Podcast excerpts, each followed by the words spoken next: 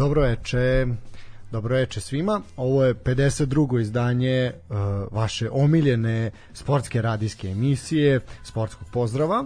Večeras uh, slušate opet dominantno moj glas. Ovaj opet će biti ja taj koji će voditi polemiku i najviše pričati. A inače je tako i kada nas je više u studiju, uh, Stefan danas zasluženo odmara. Mi mu želimo brzo poravak da se ne da virusima, bakterijima i svem ostalo što vreba ovih dana ovaj dobar je biće on dobar jak je on dečko srbijanac nije mekav zamešan ko mi vojvođani ovaj tako da će izgurati a imam malu pomoć uh, a veliko pojačanje ovde ovde u studiju. Sa mnom je Sekula Rasjovan uh, pa legenda druge lige ovaj ovde naš novosađan ovaj sugrađan jel dragi nam uh, trenutno na poziciji pomoćnog trenera u FK Proletar iz Novog Sada. Pa, Sekula, dobro večer, dobrodošao. Dobro večer i veliki pozdrav svim slušalcima. A, Sekula, evo, ovaj, malo da probijemo prvo ovu ovaj, da probijemo ko što su vašu odbranu probili za vikend ovaj, malo, mislim moraš se naviknuti malo ćete zezati, šta se da radim ovaj, kao, hteli smo ih nakon one senzacije zaista protiv TSC što je zaista je bilo, ja baš sam, rekao sam i u emisiji prošli put da mi je neko rekao ono e, ukazalo mi se, stavi kuću da će da se te izgubiti protiv Termera, ma nema šanse. Može proletiti pruži otpor, ali neće izgubiti, nema šanse. Međutim, desilo se to što niko nije očekivao, a eto, desilo se i na Banom brdu ono što niko nije očekivao, da će biti baš tako dominantno, no uh, ići ćemo redom, ovaj, svakako ćemo malo ovaj naravno ćemo sipati sol na ranu mislim to je našem stilu tako da ovaj se ko se za sad smejal će plakati tako da dobro. Uh, ništa počećemo počećemo od početka kako to i treba. Uh, od četvrtka i ono što smo uh, što prvo dugujemo da izanaliziramo i da malo prokomentarišemo, to su nastupi naših pre, uh, večitih ovaj predstavnika možemo i tako reći u evropskim takmičenjima.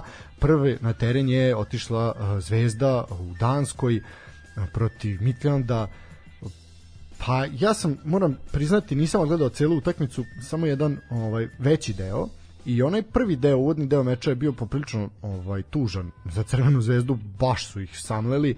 Ovaj na kraju je to bilo može se reći poljan rezultat za Crvenu zvezdu 1-1 rezultat koji dovodi na korak od plasmana u drugu fazu takmičenja Lige Evrope. Zaista Zvezda nije bila na nivou nekih prethodnih meča na međunarodnoj sceni, a i u svakako u tom načitu, u tom prvom poluvremenu kada je imala sreće da taj stativa ovaj nije odbila se lopta u gol nego napolje.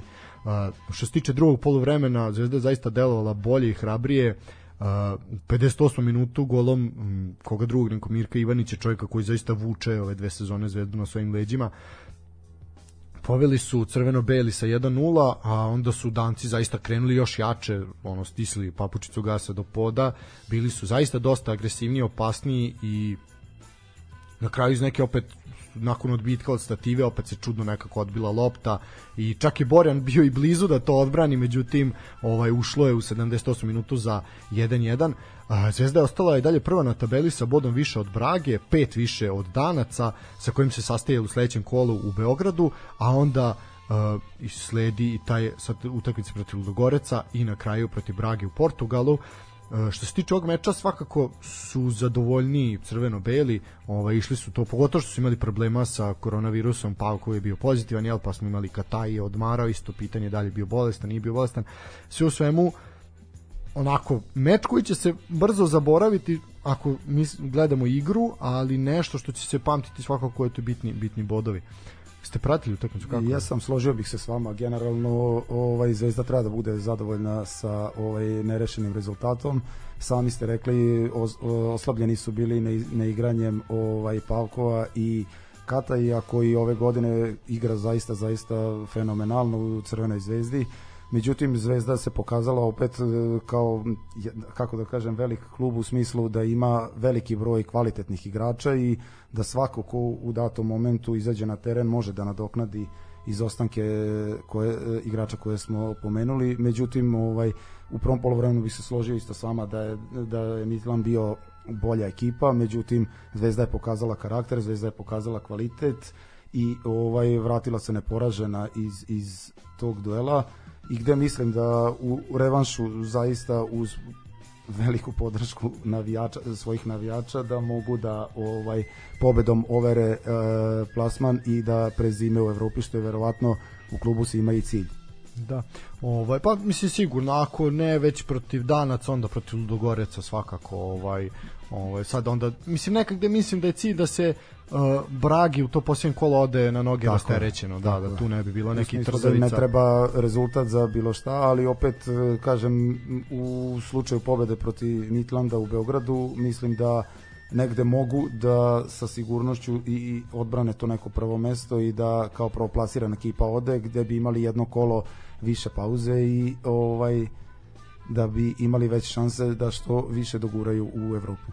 A realno je da ako mislim sad ajde sa ovom igrom baš i, i ne, ali ako budu igrali na svom nivou kako znaju i umeju, definitivno je da, da mogu daleko. Složio bih se s vama. Mada jeste ove godine možda jači ovaj kako da kažem, jača koncentracija kvaliteta u Ligi Evrope nego prethodnih, ali mislim da se može igrati tu sa svima. Sla, slažem se s vama, što, što je i pokazala ta prva utakmica sa Bragom, gde su svi favorizovali da. Bragu i gde su govorili da su oni ovaj favoriti u tom ovaj dvo, u tom meču Zvezda je pokazala kvalitet opet kažem i ovaj koji zaista poseduje unazad 5 godina već igra ovaj da kažem e, neku bitnu ulogu u Evropi što kroz ligu šampiona što kroz ligu Evrope tako da pokazala da će biti tvrdorak svakom i da svak, sa svakim može da igra i da svakog može i da pobedi što je, je. za njih najbitnije. Što se tiče uh, nekih uh, ne nekih, ali pojedinaca i nekih ocena pojedinaca, Borjan je bio zaista standardno dobar, tako već je. smo navikli na to. Uh, Gobelić je bio de, solidan, ajmo tako reći. Imao je par propusta, ali ofanzivno čovjek ne postoji, znači mrtav u napadu. Uh, Rodić povremeno ofanzivan i povremeno upotrebljiv. Uh, onako je na dosta njegova slaba partija, izdanje koje se neće pamtiti.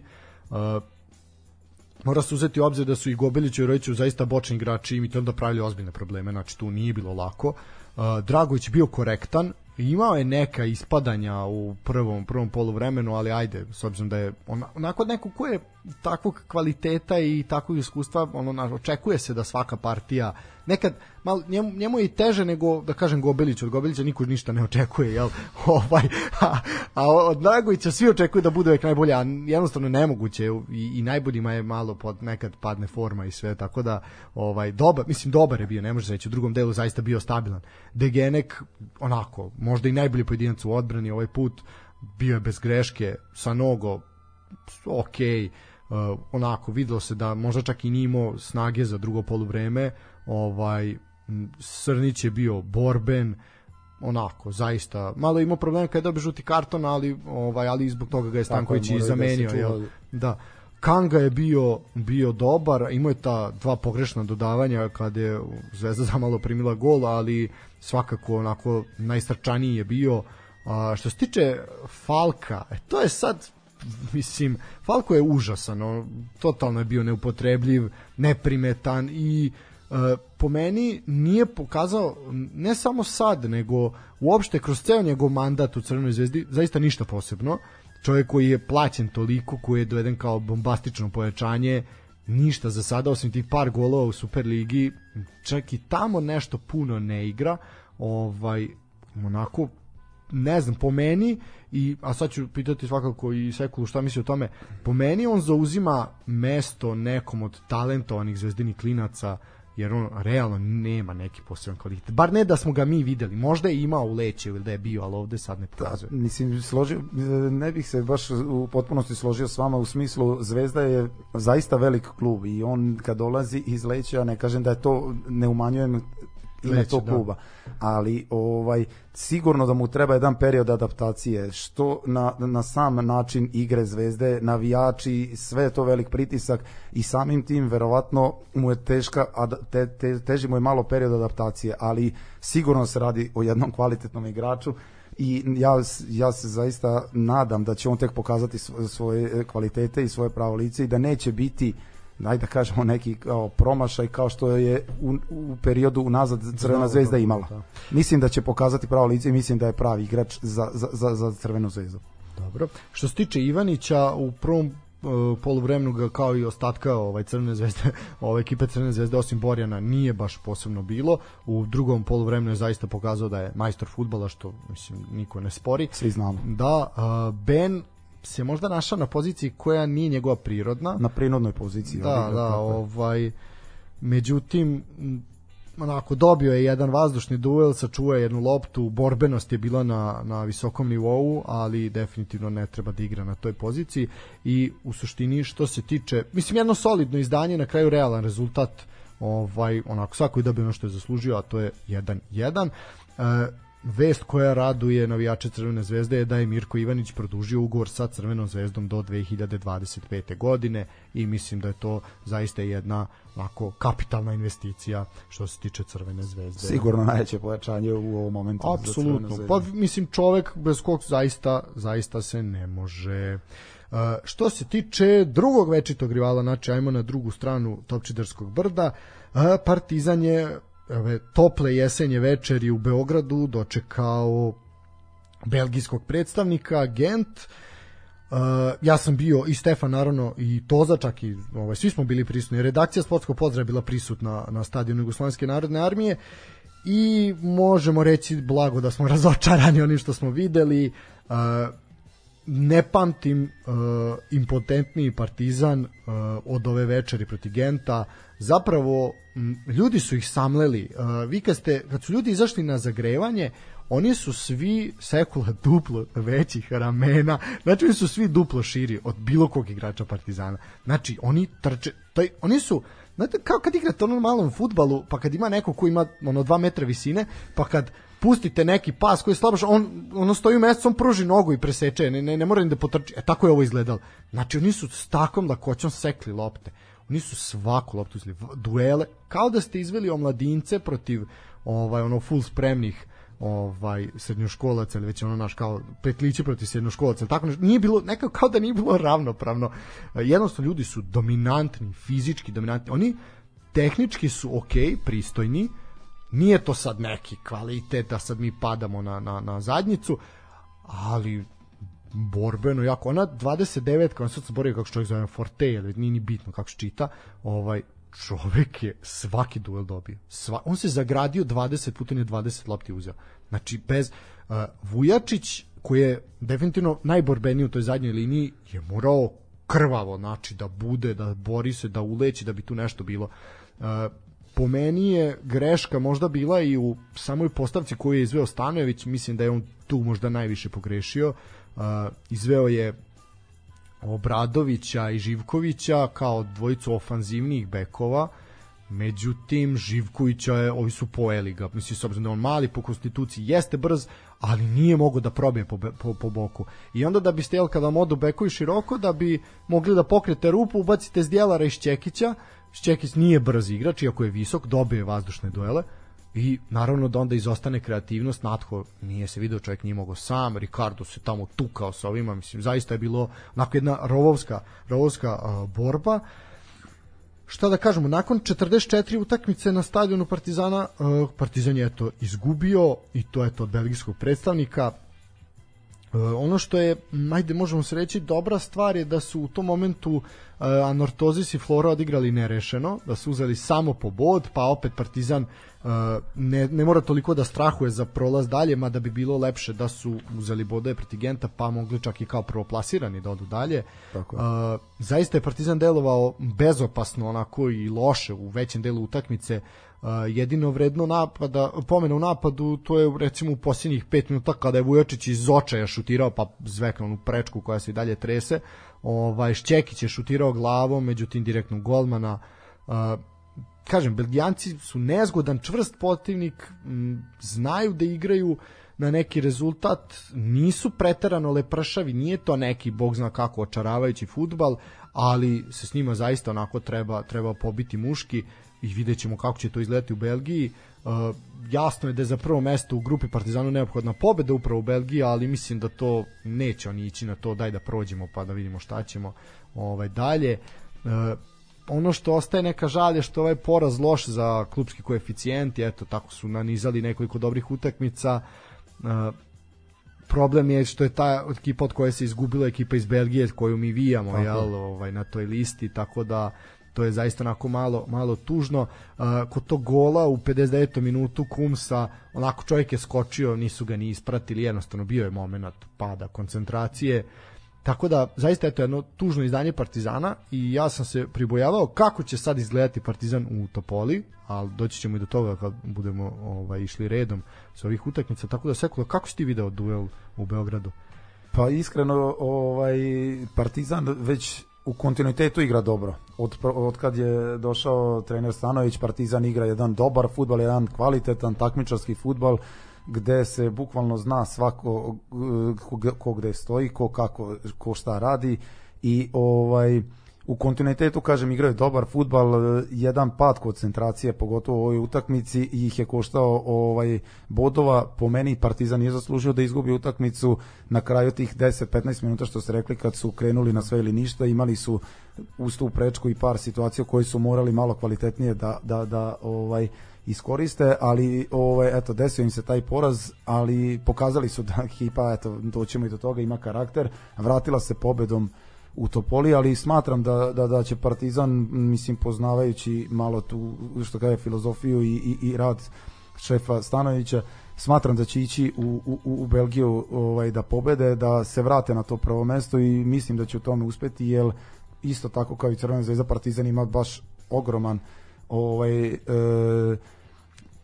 igrački kadar kvalitetnih igrača koji mogu ovaj da da rotiraju na svakoj utakmici i mislim da će otići u najjačem sastavu i da će se vratiti s pozitivnim rezultatom iz Belgije, to je za njih verovatno pobeda i ja im to isto želim da što se tiče srpskog fudbala imamo što više predstavnika u Evropi samim tim za zbog tog koeficijenta. Da, e sad što se tiče, ajmo sad te, ta priča o koeficijentu se pogotovo ove sezone jako, jako potencira, je, ovaj, aktualizovala se sad, jel kad imamo dva predstavnika opet u grupnoj fazi, koliko je realno i koliko je zapravo i dobro možda da imamo dva predstavnika u kvalifikacijama za ligu šampiona, jel, pritom da bi taj drugi išao tom stazom ne šampiona koja je zaista jako, jako nezgodna, ovaj, nekako moje neko lično mišljenje da možda bolje da imamo jednog u Ligi šampiona, a da onda možda imamo još jednog u Ligi Evrope ili u ovoj Ligi konferencija. Mislim da su ti timovi ipak naš neki nivo, da sa ovima teško možemo da se nosimo. A tu budu, mislim, ono ozbiljno, ono bude Galata, ne znam,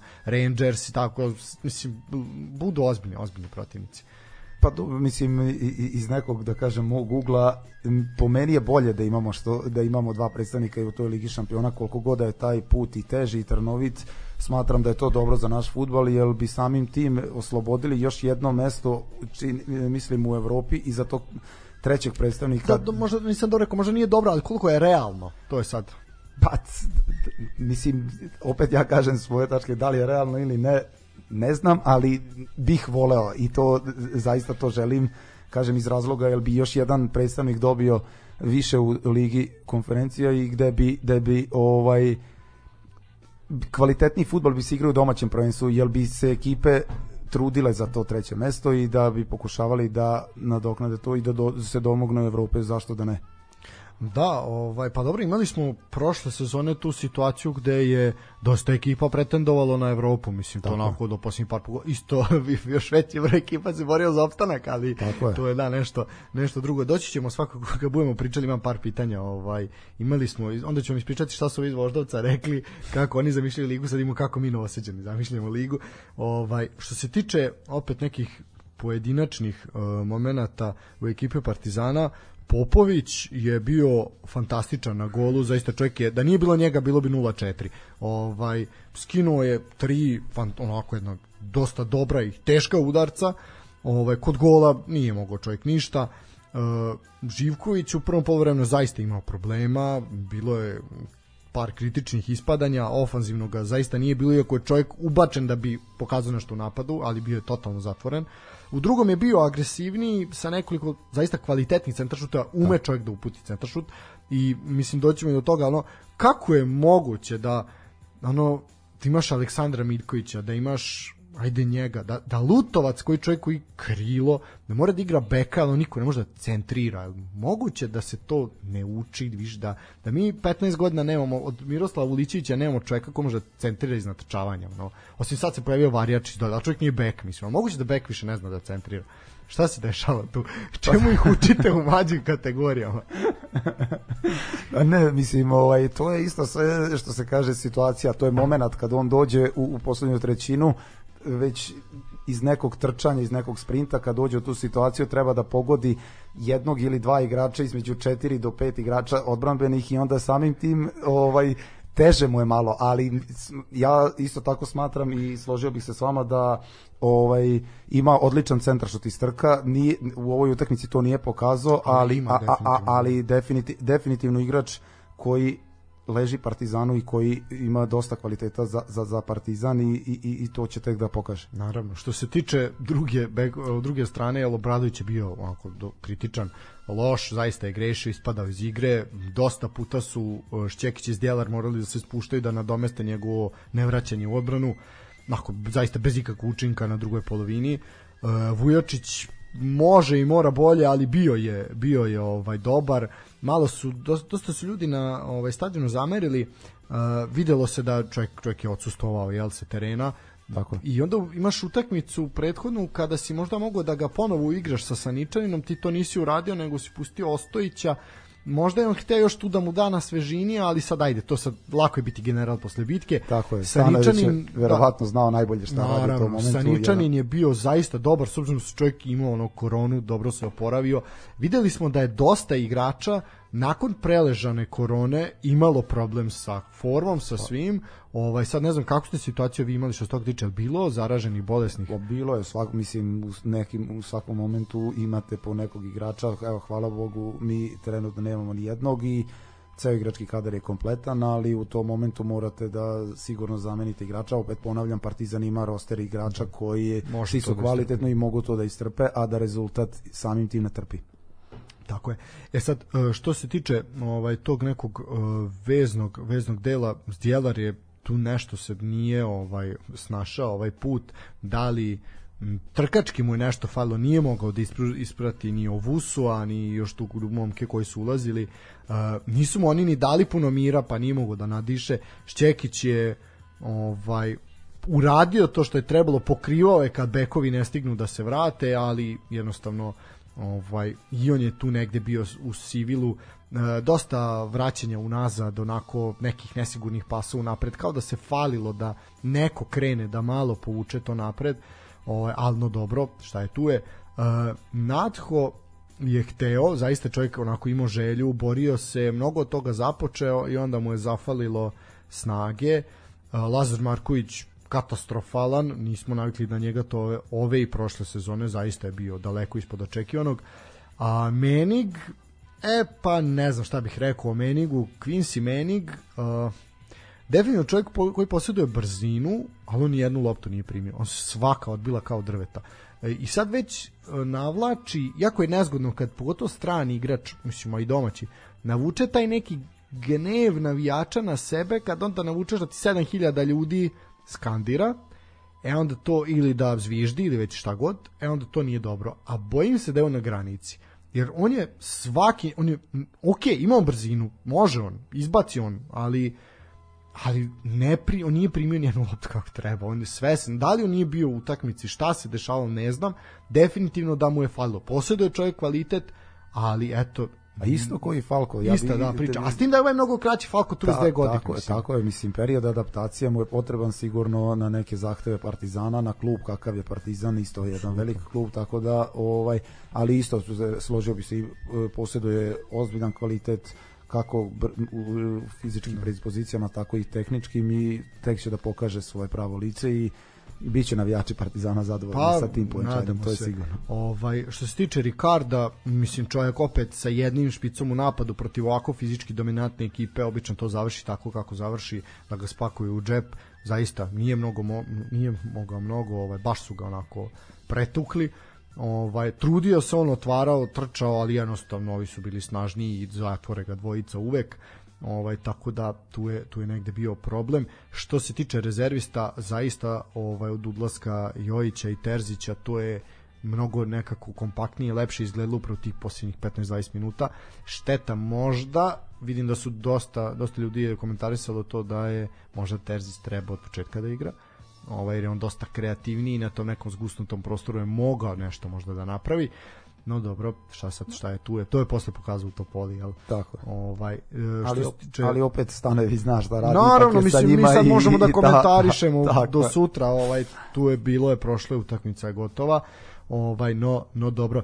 Uh, u suštini uh, završit ćemo ovaj segment ići na kratku pauzu ovaj izjavom Ivice Ilijeva sportskog direktora Partizana. On je u suštini rekao ovo što smo i mi da ne pamti da je video fizički dominantniju ekipu od Genta ekipa koja ulazi u formu, ako pogledamo šanse tu su negde, stisli smo ih u posljednjih 20 minuta, najrealnije da se utakmica završila bez pobednika, Tako je. verujem da će u revanšu biti drugačiji meč, u suštini što, ovo što je rekao Ivica i mi se negde donekle snaž, slažemo, a Ivica je bolje da je gledao da pojača ekipu s još nekim kvalitetnim igračem, no dobro, šta je tu je. A, ništa, ajmo malo da, da odmorimo, pustit ćemo neku pesmicu, pa ćemo onda se baciti na domaće livade.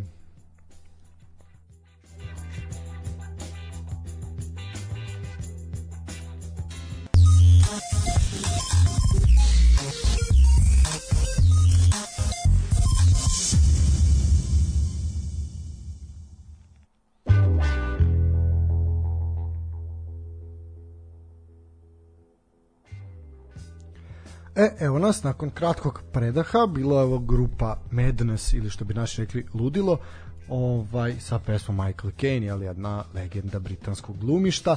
A što se tiče uh, aktuelnosti daljih, uh, eto sad smo ovaj Sekule ja to malo spomenuli u, u našem internom razgovoru dok su regleri bili ispušteni, možemo sad to i prokomentarisati nakon znači šta se dešavalo u četvrtak u Beogradu nakon završene utakmice. Uh, bili su naravno kako to bude obično sad Partizan ima tu akciju na severnoj tribini bude ta kao dečija tribina gde dolaze razne škole fudbala pa smo imali tu priču da su momci sa Kosova iz Albanije dolazili zaista nije bilo nikakvih problema sa, mislim iako su bili ono pisalo je KF Tirana i sve pa nije bilo problema ali eto ima problema ako nosite ovaj obeležja kluba kojima se drugim ljudima se ne sviđa onda dobijete batina. Znači šta se desilo? Desilo se da su momci inače članovi kadetsko kadetske selekcije fudbalskog kluba Partizan dok su se vraćali u, sa utakmice jel sa svojim trenerom pronaći ću negde ime čoveka pojavilo se bilo ovaj da ovaj bivši bivši fudbaler železnika Đorđije Ćetković on je trener sad ne znam da li to nešto ovaj govori to ime ili ne, u suštini šta se desilo, znači negde nakon 23 časa, znači neposredno po završetku utakmice odigrane u Beogradu, a, napadači su uleteli u autobus gde su se nalazili klinci, ovaj onako maskirani sa fantomkama i već i tim ovaj folklorom koji ide a kajševima, palicama, motkama i letvama su napali ove jadne nesetne momke ovaj od kojih eto to, to je 2007. godište znači to su momci od 14 godina gde su zaista dobili lakše i teže telesne povrede internetom i twitterom najviše kruže slike ovaj onako poprilično strašno izgleda ovaj i mislim ova vest se pojavila onako nekako kako da kažem skriveno prvo na telegrafu pa onda na još nekim uh, medijima ovaj sve nešto obskurno niko tu se nešto ne oglašava ali sam video da se roditelji oglašavaju i da roditelji pitaju fudbalski klub Partizan zašto se ćuti, zašto ništa nisu, nisu kao ipak su oni deo tog kluba, zašto ne, niko ništa nije rekao. Ovaj i Mislim, kako uopšte ovo prokomentarisati, a ne koristiti ovaj psovke ili neku želju da se nekom nešto loše uradi. A, mislim da ovo je jako tužan i sraman potez kog čiji god bio, mislim čiji god da su bili ono jebe mu pa moguće da ti smeta ako neko ima majicu kluba ono za koji ti ne simpatišeš mislim zaista pritom je on de, čak i da nije dete ne, ne bi, to sad ne igra ulogu u ovom momentu nebitno je ono mislim ok ne voliš taj klub u redu ne, ali nemoj ovo raditi ovo je, ovo je zaista bez veze. Mislim ja samo s jedne strane je sramotno što se fudbalski klub Partizan nije oglasio to je jako strašno a sa druge strane uh, je još strašnije ta pomisao da ta deca možda neće više hteti da gledaju na stadionu, možda više intenziteta se bave sportom, futbalom, e to je ono što je, što je još strašnije, što smo možda izgubili jednu talentovanu generaciju ili nek smo izgubili jednog igrača, pa je strašno. Ovo, e to je ono što je, što je po meni jezivo. E sad, Sekula, kako ti gledaš na ovo kao neko ko se bavio mlađim kategorijama, koliko je ovo zapravo strašno i mislim možda da se uopšte upisati nešto. Pa iskreno nisam bio upućen u ovu vest, ovaj izgrozilo me sad ovo što ste rekli.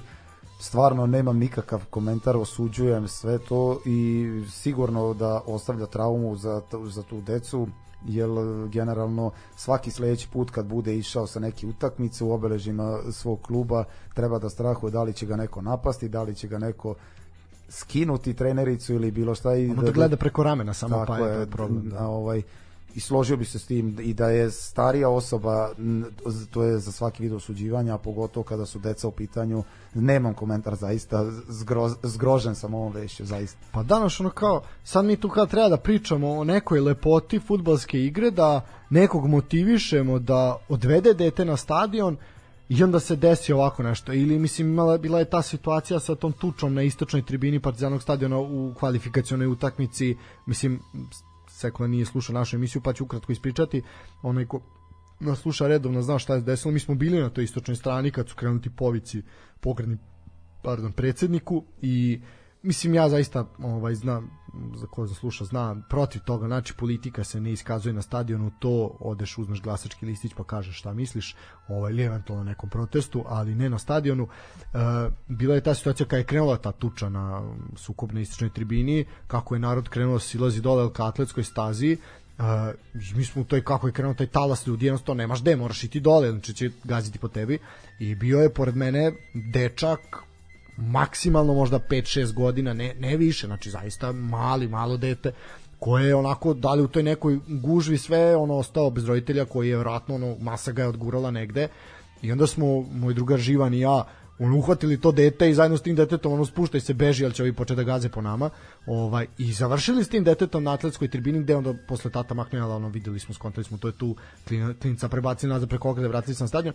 Taj mali je bio uplakan i uplakan izašao sa stadiona. To nije bio takav, tak, baš ko za inat. To veče na tom delu tribine jako puno dece bilo i devojčica i dečaka i svega ti više nikad neće doći. Znači ti su uplakani izašli, to to je ta priča je završena. Nažalost, nažalost. nažalost. Ovaj tako da je to negde problem, problem je iskreno ja sam se bojao nekih incidenata čak i u Topoli, ovaj kada je Partizan gostovao zato što je takva tako je napravljen stadion da je taj boks sa igračima jako e, sa gostujućim navijačima jako mali, a jako je blisko blizu terenu, jel to je taj engleski stil, nema Tako atletske tribine. Ovaj međutim eto prošlo je prošlo je sve mirno, hvala Bogu.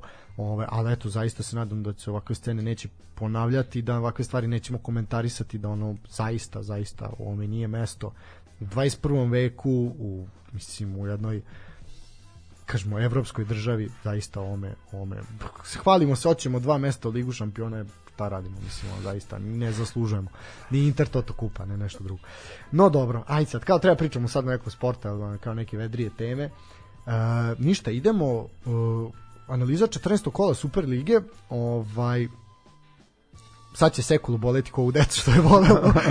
ovaj, da, počelo je, znači premijerni, premijerni meč bio je u Kruševcu u četvrtak po jednom opet jako čudnom pod znacima navoda terminu 16:30 radni dan a majku mu, ono, ko će to ići da gleda, kako, nemoguće, a znamo da je napredak prodao čak i solidan broj sezonskih karata, znači, ali to je ne, nemoguće, jednostavno, jako, jako loša, loša organizacija i ponovo smo ovaj, zarobljeni od toga kako će arena namestiti svoje termine. Ajde sad kao sad su otvorili ove nove kanale, možda možda nas to spase da ne moramo 16:30 da gledamo.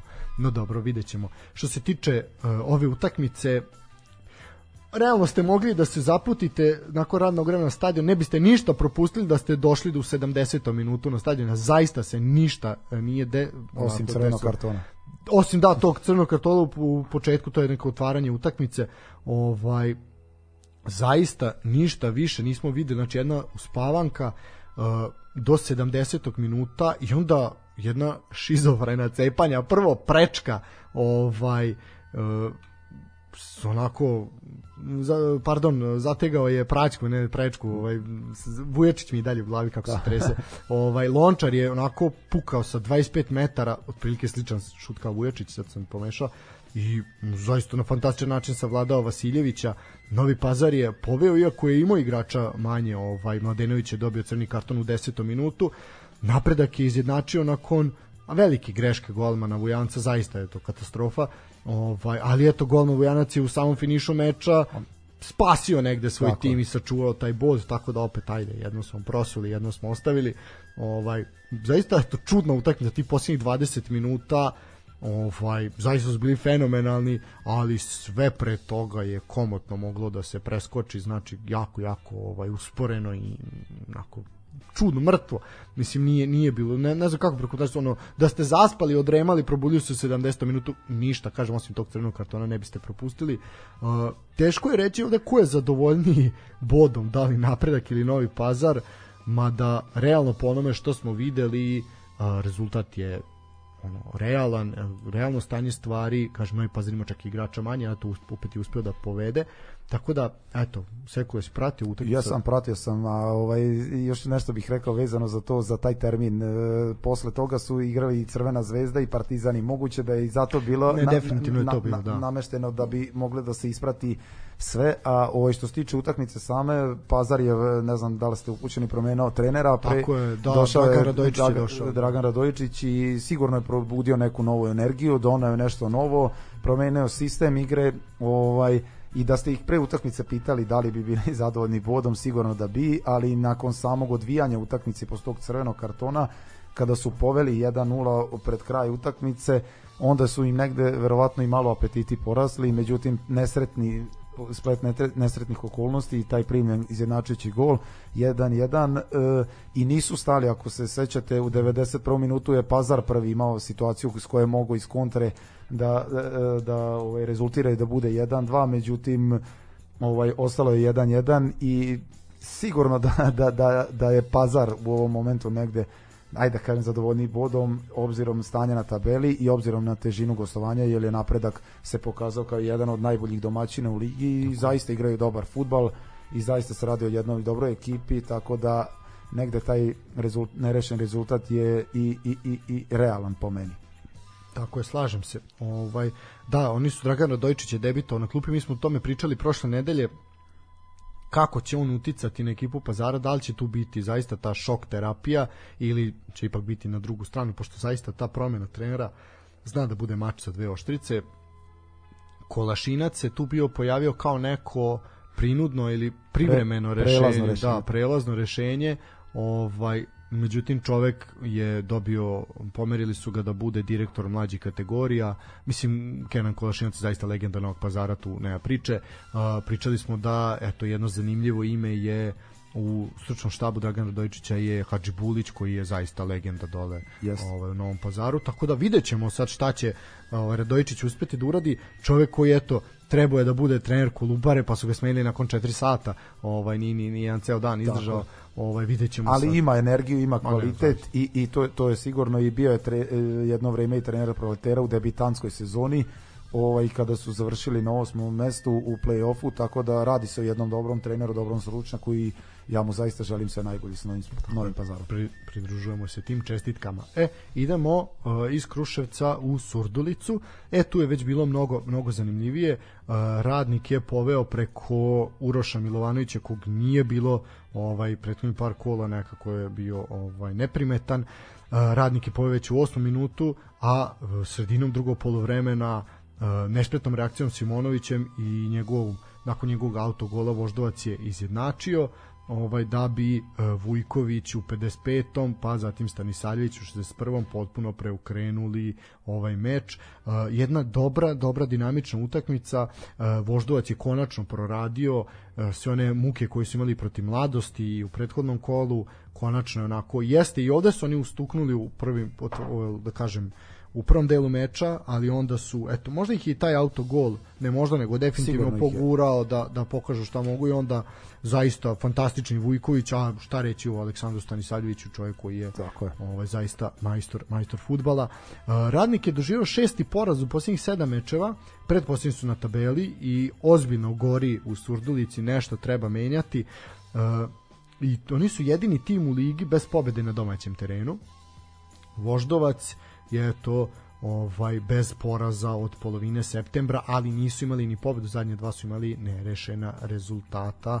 Tako da eto to je onako jedan zaista zanimljiv lep lep fudbal je bio ko je gledao si gledao možda Nismo pratim, uspeli da ispratimo, samo sam highlights na kraju pogledao, da. jer smo mi u to vreme... E, ovaj, dolazimo i do toga, da, da. Tako da, ali ovaj, Voždovac zaista igra dobar fudbal, na, pogotovo na, na, na, na strani i ovaj negde ih je sigurno taj gol, kažem na osnovu tih highlightsa pregledanih, sigurno ih je taj auto gol nesret, nespretni ovaj vratio u meč i dao i malo krila, a ekipu radnika malo sputao da dođe do ta željena tri boda i zaista su nekom problemu, mada sve su tu ekipe podjednake, tu se do posljednja kola neće znati, pošto dve ispadaju, dve igraju baraž, tu će se ovaj, sve ekipe, da kažem, te koje su podjednake tražiti svoje negde mesto i, i, i bit će zanimljivo do zadnje kola.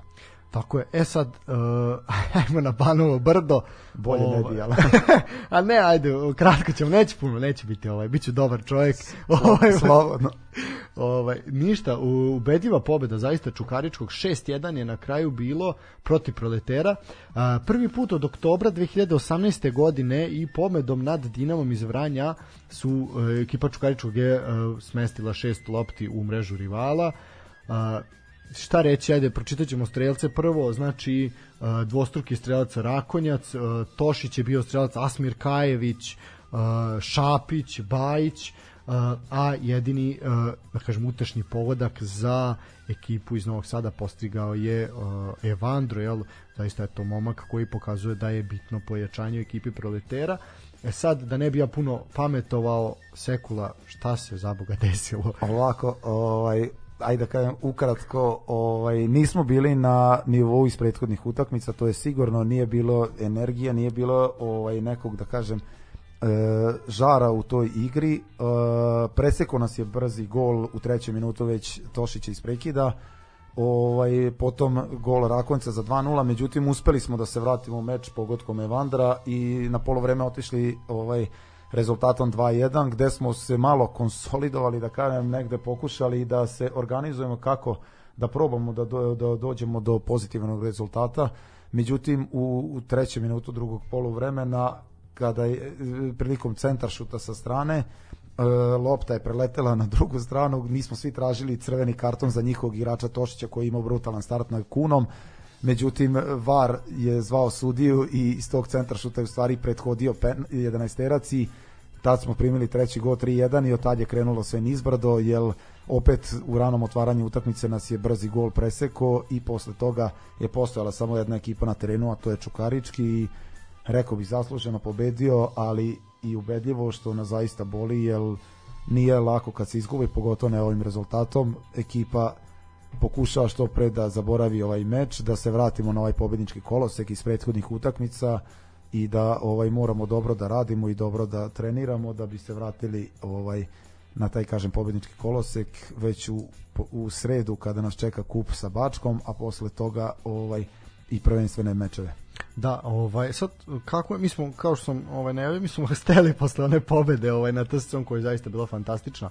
Kako je ovaj izgledalo ti momenti nakon utakmice protiv TSC gde zaista mislim da a aj budimo iskreni, niko od vas nije očekivao da možete da pobedite. Iskreno, ne bih se složio s vama iz razloga što smo ih prošle godine isto pobedili kući na domaćem terenu. Nebitan je, e, da kažem, nebitno je u ovom momentu bilo stanje na tabeli gde su oni četvrti, a mi smo bili u tom momentu, čini mi se, 11 ovaj, jer smo znali kakva ekipa posjeduje potencijal, znali smo kakvi su oni iz razloga što je šef struke Bajić e, bio pomoćni trener e, Mladenu Krastajiću u Topoli, znali smo koje su njihove mane, koje su njihove vrline, pokušali smo na najbolji mogući način da te ovaj mane ugrozimo, a vrline da, da, da, da, da sprečimo da ne mogu da dođu do te željene svoje igre.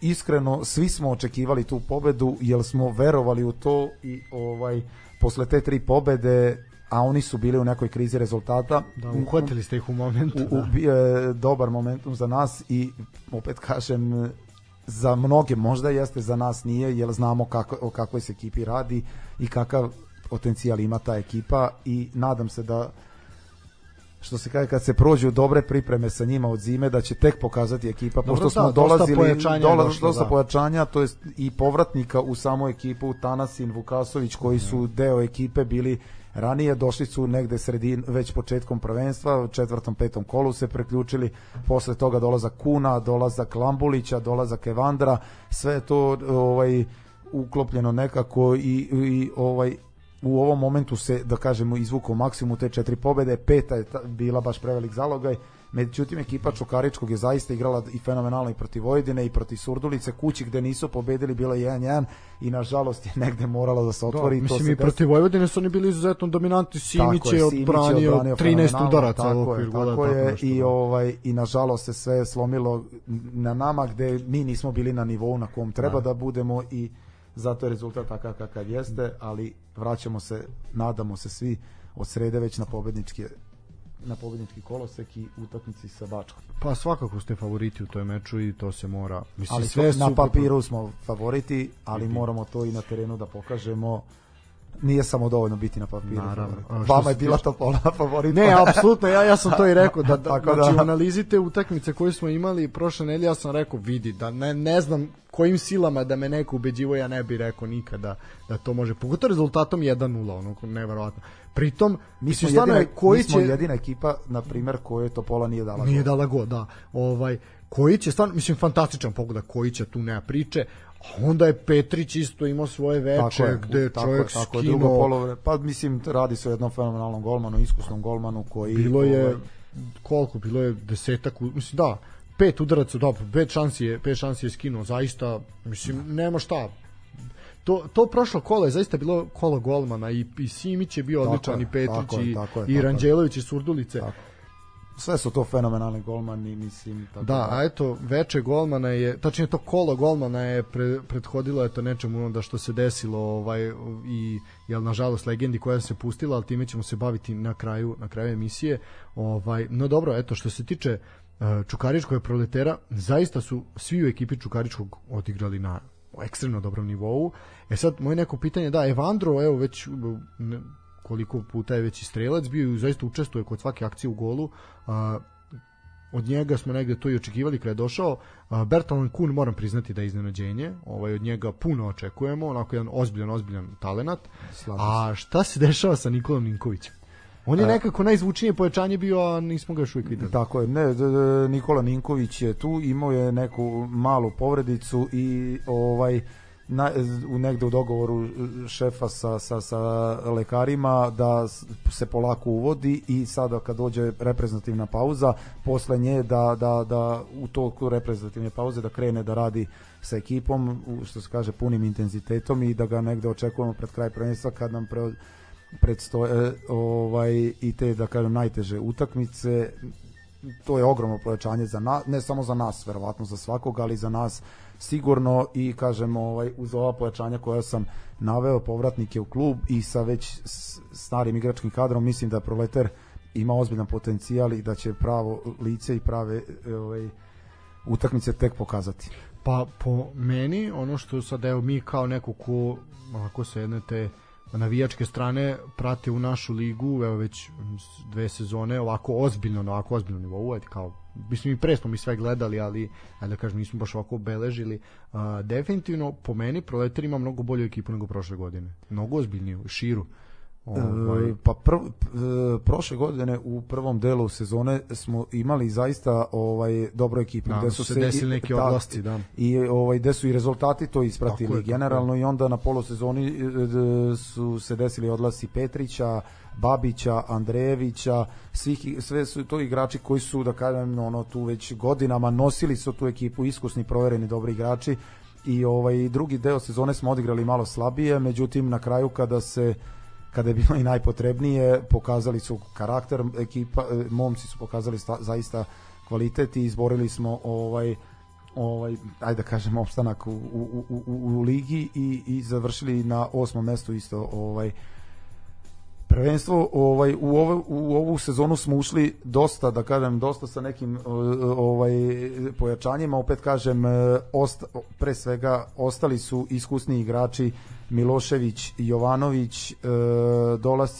već da kažem e, iskusnih igrača koji su bili u klubu Skopljaka, Petrića, Tanasina, Vukasovića, dolaskom e, stranaca kakve su ovaj Ortiz, Kun, e, Evandro i Ninković i spoj mlađih igrača koji su već tu godinama u klubu. Mitrović, Kojić, Tomović, da, da ne nabrajam sad svakoga, ali to je zaista ovaj jedan sklop e, mladosti i iskustva i zaista ovaj ekipa jedna sa kojom je ovaj lepo raditi i kažemo opet očekuje se tek od njih ono pravo kad budu kad budu da kažem prošli svi zajedno pripreme i kada se bude radilo u kontinuitetu sa njima i naviknu oni na naš rad da i ovaj na nove neke zahteve šefa Bajića sigurno će pokazati ekipa tek pravo lice. Tako je, slažem s vama, mi vam želimo puno uspeha u daljem takmičenju. E sad, što se tiče narednog meča, selimo se u Lučane, gde je mladost koja je zaista u usponu forme savladala Kolubaru koja se nalazi u nekoj maloj krizi rezultata jedno od najboljih izdanja futbolera mladosti mada su mene poprilično iznenadili i u onom duelu protiv Voždovca gde je Danovski bio fantastičan. Pobeda koja ih je to dovela do desetog mesta na tabeli zaista probuđenu ekipu iz Lučana su predvodili Saša Jovanović, a ko drugi i dvostruki strelac Bojović, mada eto i ostatak ekipe zaista delovi jako, jako kvalitetno. Ovo je četvrta pobeda mladosti u sezoni, a treća uzastopna. Kolubara se zaista muči, e, doživjeli su šesti poraz u posljednjih sedam kola i sve su bliži zoni ispadanja od neke, eto, može se reći čak i senzaciju uvodnih par kola, ovaj senzacije po načinu igre ne toliko rezultata meni je zaista jako simpatično delovala sad se poprilično muče i sada dolazi na naplatu ono što smo svi mi pričali a to je da će ih koštati uh, jel, kratka klupa i, i slab roster i mislim, ok, lepo je što imate najmlađi štoperski tandem u ligi, ali to pokaže svoje mane na, eventualno na nekom momentu. Ovaj pa pre svega za mladost iz Lučana mnogima je negde kao iznenađenje su iznenađenja ovi njihovi rezultati u poslednje vreme, ovaj zaista po mom nekom mišljenju to je jedna odlična ekipa. Pre svega iskusna takmičarska ekipa šest kola nisu imali pobedu, gde su ih svi već otpisali. Jako su se mučili, da. Gde su ih svi otpisali i govorili kako to je jedna ekipa koja će ispasti iz lige i mislim ono ja sam sve vreme i govorio negde da je to ekipa koja sigurno neće ispasti iz lige jer su stvarno sklop fenomenalnih igrača i prvu pobedu su ostvarili upravo ovde protiv nas, gde ni, pribojavali smo se negde u, u, u samoj pripreme to, te utakmice da, da, da može nešto ako se desi, međutim, eto, kažem, desilo se i od tada su krenuli ka, ka sredini tabele, a mislim da se i od njih tek očekuju prave utakmice, pravi rezultati, kažem, jer su i oni kompletirali ekipu, dolazak Obradovića, Danoskog, povratak Bojevića iz povrede, sigurno mla, mladi Gordić koji se nameće već kao lider te ekipe, a ima svega 17 godina, to je jedna ekipa koja će tek pokazati pravo lice i, i uopšte za mene nisu iznenađenje. Da, Dok s druge strane Kolubara krenula je dobro, svi, svi su kao pričali, je, dobar futbal se igra, dobra ekipa i ovaj sad su upali i oni neku tu krizu rezultata. Sigurno da će i oni izaći iz nje, jer ono mora nekad stati, ali ovaj trenutno su u nezavidnom položaju, ovaj A dobro, imali su i seriju teških utakmica tako je, protiv večitih i protiv tako mislim, je, tako je, tako je i to i to ovaj se, se slažem, ali ovaj ovaj poraz u Lučanima ne treba mnogo da ih što se kaže brine, nego treba se okreću narednim mečevima. Ovaj jel sigurno Lučani su dobar domaćin i opet ponavljam tek će da, pokazati jedni, pravo. jedni od najtežih. Uh, Bojović eto nastavlja tu večitu trku ovaj za najboljeg strelca u istoriji Superlige. Uh, sad je definitivno se osa, o, osamostalio na ovaj tom prvom mestu s obzirom da Kaluđerović više nije nije u ligi Ovaj Kaluđerović je bilo je to neke priče da će biti u proleteru, pa je bio kratko, pa bio je otišao. Bio kod nas u prva tri kola i odigrao, postigao je čak i gol da. na, na, na Voždovcu ovaj, u porazu 2-1. A šta se desilo zbog čega? Dobio je, dobio je ponudu, igra u, u Uzbekistanu je ovaj, i, i, i igra dobro, daje golove što mu je u opisu ovaj, radnog mesta, tako da, ali siguran sam poznavajući njega i njegov karakter, siguran sam da on još nije rekao sve u srpskom futbalu i da, da, da, da, da se od njega tek očekuju golovi i da ovaj će stići, ako ne i prestići Bojevića, jel kažemo opet poznajem, biće, biće već, poznajem, poznajem da. njegov karakter i ubeđen sam u to. Da, ovaj, mi smo zaista prošle, prošle sezone onako, jako je bilo uzbudljivo gledati ovaj, jednog i drugog koji se eto, stvarno iz kola u kola takmičili ovaj, ko će poneti tu titulu najboljeg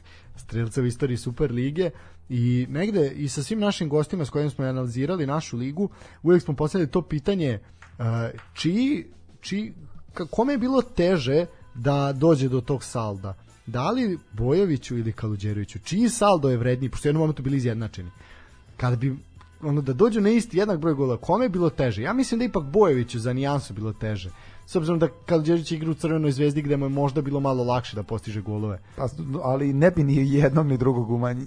Ne, naravno, nisu, da. da. Tako da, ovaj, ne, nemam odgovor na to pitanje, kažem, jedan i drugi su zaista fenomenalni napadači i, i, i, i zaista pokazuju ovaj kako u domaćem prvenstvu, tako i u inostranstvu ovaj postižu pogodke i opet kažem, biće zanimljivo do, do, do samog kraja njihovih karijera ko će tu na kraju biti strelac broj 1.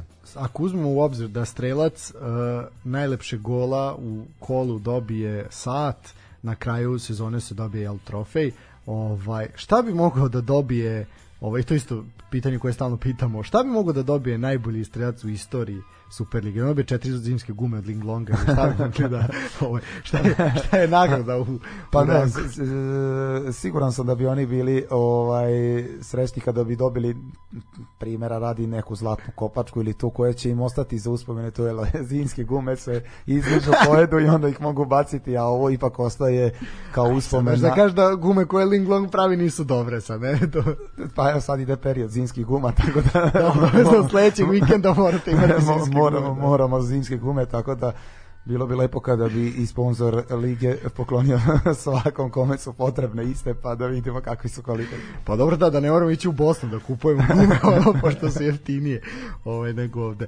Dobro, da, ništa, svakako Bojeviću želimo da ovaj pojača, pojača svoj učinak u istoriji Superlige, a naravno i da se Kalđerović vrati što pre, pa da eto, zajedno, zajedno uživamo. Tako je. Uh, kad smo kod povratnika, uh, Uh, imali smo opet uh, tu čast da uživamo jednoj doktorskoj partiji Nemanje Nikolića uh, za ekipu Spartaka protiv Metalca.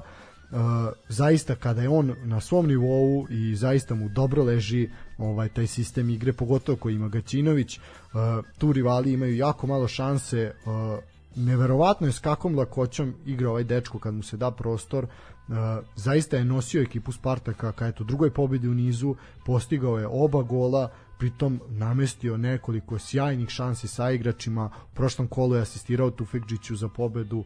Uh, na majstorski način mislim. Da, ne, ne, kao na tacni deli lopte. Uh, pri rezultatu je 0-0 Tufekđić je promašao penal, to isto tačnije Maslarević je odbranio, ajde, ovaj zavisi kako ko gleda na stvari. Uh, Metalac je igrao bez dva možda najbitnije igrača u, u postavci, to su Krajišnik i Cvetković. Uh, debitova je mladi reprezentativac Gane Erika Pija, uh, međutim Metalac ponovo kao i u suštini većem delu ove sezone se muči. Uh, imaju ekipu imaju neki viziju kako bi da igraju ali uglavnom im protivnik ne dozvoljava. Nekako fali im nešto da se izbore da pokažu da kao prošle sezone ali fali im i Eduard Prestiž kog su imali prošle tako sezone. tako je sigurno. Ali opet kažem e, ekipa Metalca ovaj već drugu godinu za redom vođena uh, šefom Lazetićem igra jedan zaista dobar i zanimljiv i atraktivan futbal. Uh, imaju dosta specifičnih stvari i ovaj zaista nije lako igrati protiv njih i opet kažem kad pogledate neke parametre sa utakmice u Subotici gde su bili da kažem bolji u svim nekim segmentima igre a rezultat to nije ispratio ovaj mislim da su ušli i oni u neku krizu rezultata, ali opet kažem e, kako trener Lazetić vodi tu ekipu i kako oni ovaj igraju, mislim da je samo pitanje kada će i oni početi da ostvaruju dobre rezultate, jer ekipa ima kvalitet i to su sve i to su sve igrači kažem koji ovaj igraju dobru i značajnu ulogu u, u, u srpskom futbolu. Tako je, uh, Lazetić je bio onako žestok, nakon utakmice žalio se na suđenje, kaže da nisu imali iste uslove kao protivnik i da uh, upravo je spomenuo i taj VAR, ovaj, svi pričamo da je dolazak VARa odličan, ali je činjenica da VAR može da se koristiti na ovaj ili onaj način. Želim svima da pošaljem jasnu poruku da niko nije lud i da, ne, da mi na terenu vrlo dobro osetimo kada aršini nisu isti za nas i za rivala. Ne znam zašto je to tako, ne govorim ništa konkretno protiv Spartaka, možda jednostavno sudija nije bio dorastao zadatku. E sad, kako, eto sad i ti sekula lično, a i uopšte i u proleteru, kako vi gledate na taj VAR? Ove sezone, kakve su vam zamerke na njega ili da li misliš da je nešto doprineo kvalitetno? Pa mi, sigurno da jeste, sigurno da jeste. Mislim, iskreno nisam ni razmišljao malo na, na, na tu temu, ali mislim da dosta dobrih stvari može da donese VAR. Mislim, generalno mi smo sad opet da kažem, ovaj, u dve situacije u, u Surdulici protiv Radnika i sad protiv Čukaričkog na Banovom brdu oštećeni varom za penal, mislim oštećeni penal je A čovjek je igrao rukom. Tako mislim, je, da. bio je penal, ali na intervenciju vara je dosuđen, tako da ovaj kažem, ima dosta, mislim, svako će biti nezadovoljan u tom momentu, ali mislim da je doprinao kvalitetu i mislim da je prava stvar, mislim, jel pokazuje ispravne odluke, prave koje sudije propuste koje ne vide, a nekad ti da, nekad ti uzme, tako da smatram da je dobra stvar VAR i mislim da mislim podržavam u potpunosti tu ideju. A sam taj sam taj način primene, to je ono što je dosta osporeno, to što se jako dugo čeka, što to da isto ono ono po, od 5 do 7 minuta traje, što je poprilično jako dugo, mislim nigde se ne gleda tako dugo kao kod nas. Da, ne znam, za, sad, ne, znam, ne znam šta je razlog tome, da, ali ovaj Ali to je ono što da ubije, ubije neku dražu svemu, da. Činjenica da je tako. Mislim,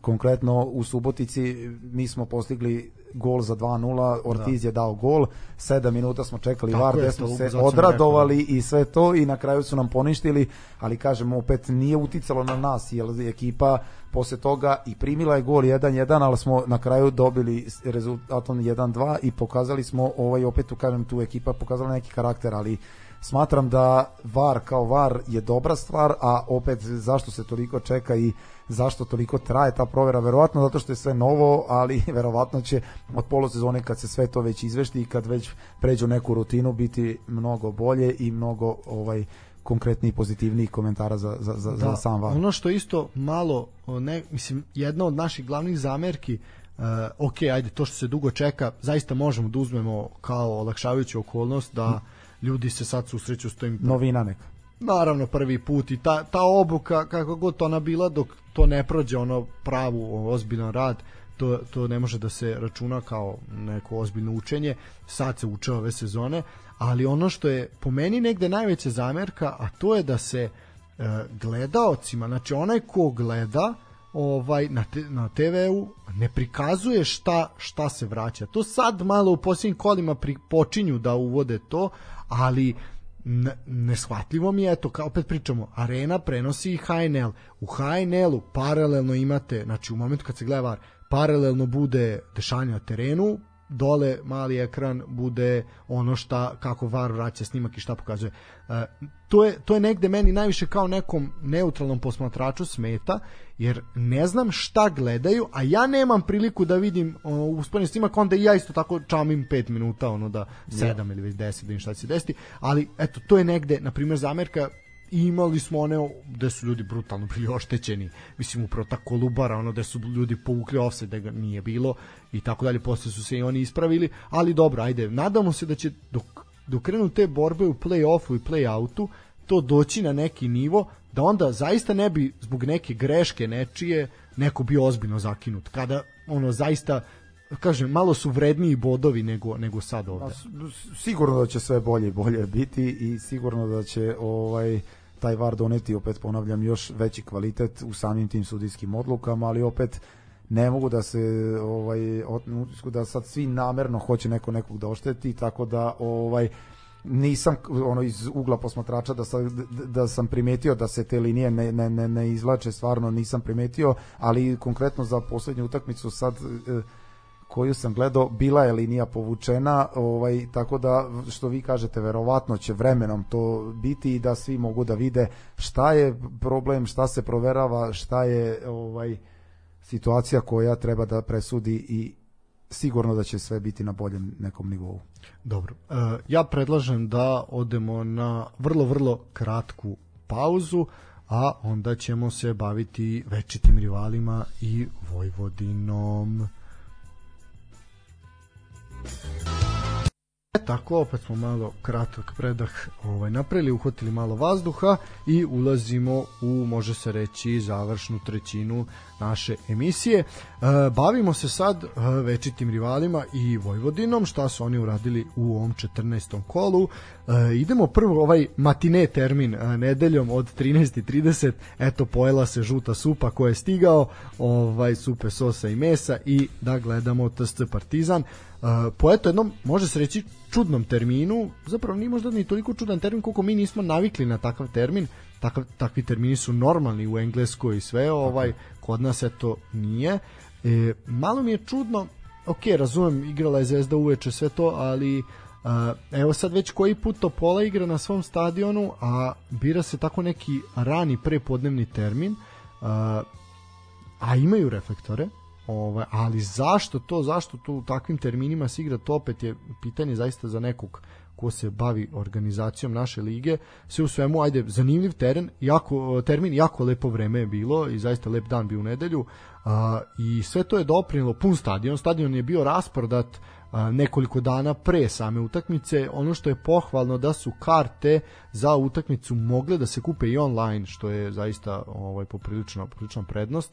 Za sada mislim da na stadionu u Topoli rade samo jedna blagajna što onako stvorile bi se poprilične gužve tako da je jedno jako dobro, pametno rešenje e, mnogo lakše kupite počnampati sebi kod kuće. E, ono što bih rekao da stadion je bio rasprodat i sad je tu došlo do onog momenta i onog problema što zapravo stadion u Topoli ima samo dve funkcionalne tribine. Jel ima tu zapadnu koja je za neutralne po znacima navoda ima tu uh, južnu koja je za gostujuće navijače, one najvatrenije koji idu u kavez i ove malo manje vatrene koji će se tu smestiti, koji su jel bili iza gola ovaj na toj strani. Severna tribina je jako mala ispod onih staklenih površina, to je rezervisano isključivo za najvatrenije navijače Topole, a zapadna tribina cela je novinarska i lože.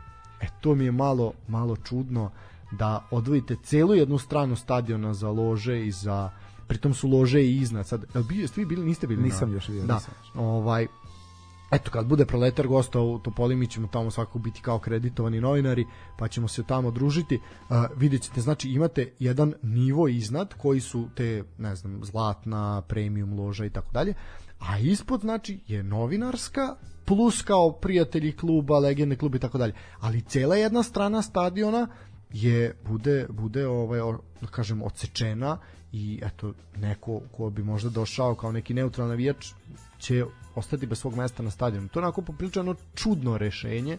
Ovaj zaista ima tu nekih stvari oko tog stadiona koje su onako poprilično nejasne. Uh, eto, videli smo kako je funkcionisalo puštanje najvatrenih pristalica Partizana na te da su oni poprilično kasnili sa ulaskom, što opet, bez obzira, opet su ti ljudi kupili kartu i mislim da to nije u redu, mada videće opet kažem kad budete kako funkcioniše ulaz na stadionu, ovaj možda to nije ni čudno.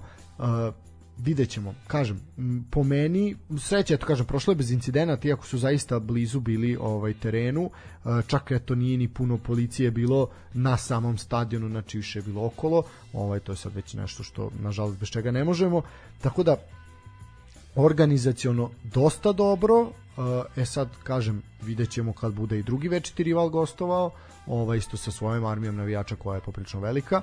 Ovaj tako da ono super je sve to jako lep ambijent, teren je fantastičan, to se opet pokazalo, to je mislim definitivno i najkvalitetnija travnata podloga u ligi. Znamo da je tu može se reći da je hibridna Jeste. i je, jeste pa da ajde recimo da ima meš, mešavina je zapravo mešavina, da tako je. da ovaj ono nešto slično na čemu su uh, i na čemu insistiraju sad na primjer u, Hrvatskoj podosta na tim hibridnim terenima gde mislim da zapravo od 10 njihovih prvoligaša na 8 ili 9 ima imaju hibridne terene. Ni- nisam upućen u to Da, ali eto kažem jedan jedan stadion mislim samo da nema ovaj što je poprilično onako dobro i zapravo donosi jako puno na na dinamici Kvalitet na, u igri sigurno. Da, a i, i teren duže traje. To je ono što isto nemate nemate ono da se jave javi ono blato blato kod golova, a i ne samo to, nego i krtičnjaci i sve tako dalje.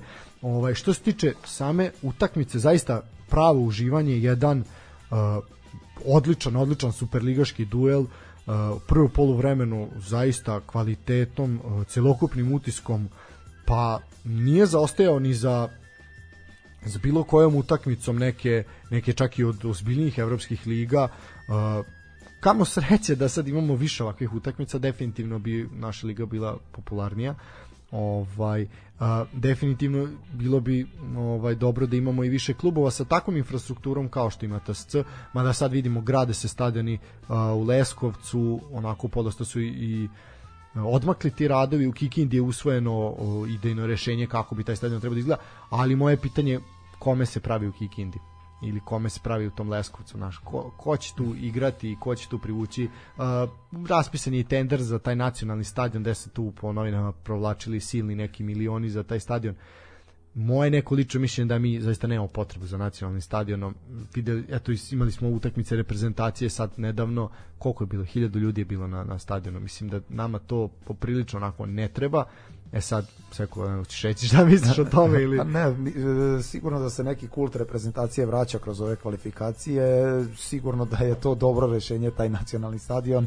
Ovaj i mislim da da da ovaj u nekom narednom periodu što ste sami rekli da će sve više i više biti građenje tih stadiona i mislim da da da to stadion kakav je primjera radi Topola ili Metalac da su to neki ovaj parametri kako stadioni u, u, u Srbiji treba da izgledaju. 4 do 5 hiljada ljudi gde će ovaj po, posećenost biti na nekom nivou kada igraju neke osrednje ekipe a kada dolaze nažalost samo večiti ovaj će biti puni stadion i mislim da su to neki reperi kako stadion treba da, da, da, da, da izgleda ali sam sigurno zagovornik tog nacionalnog stadiona iz razloga da se malo igra na Zvezdi, malo na Partizanu, nikad u Novom Sadu i to onda nema da kaže A poslednji da li put- onda nacionalni stadion treba bude u Beogradu? Ma ne, mislim onda, onda ajde da ga izmestimo da bude negde. I to je sad možda pitanje Da.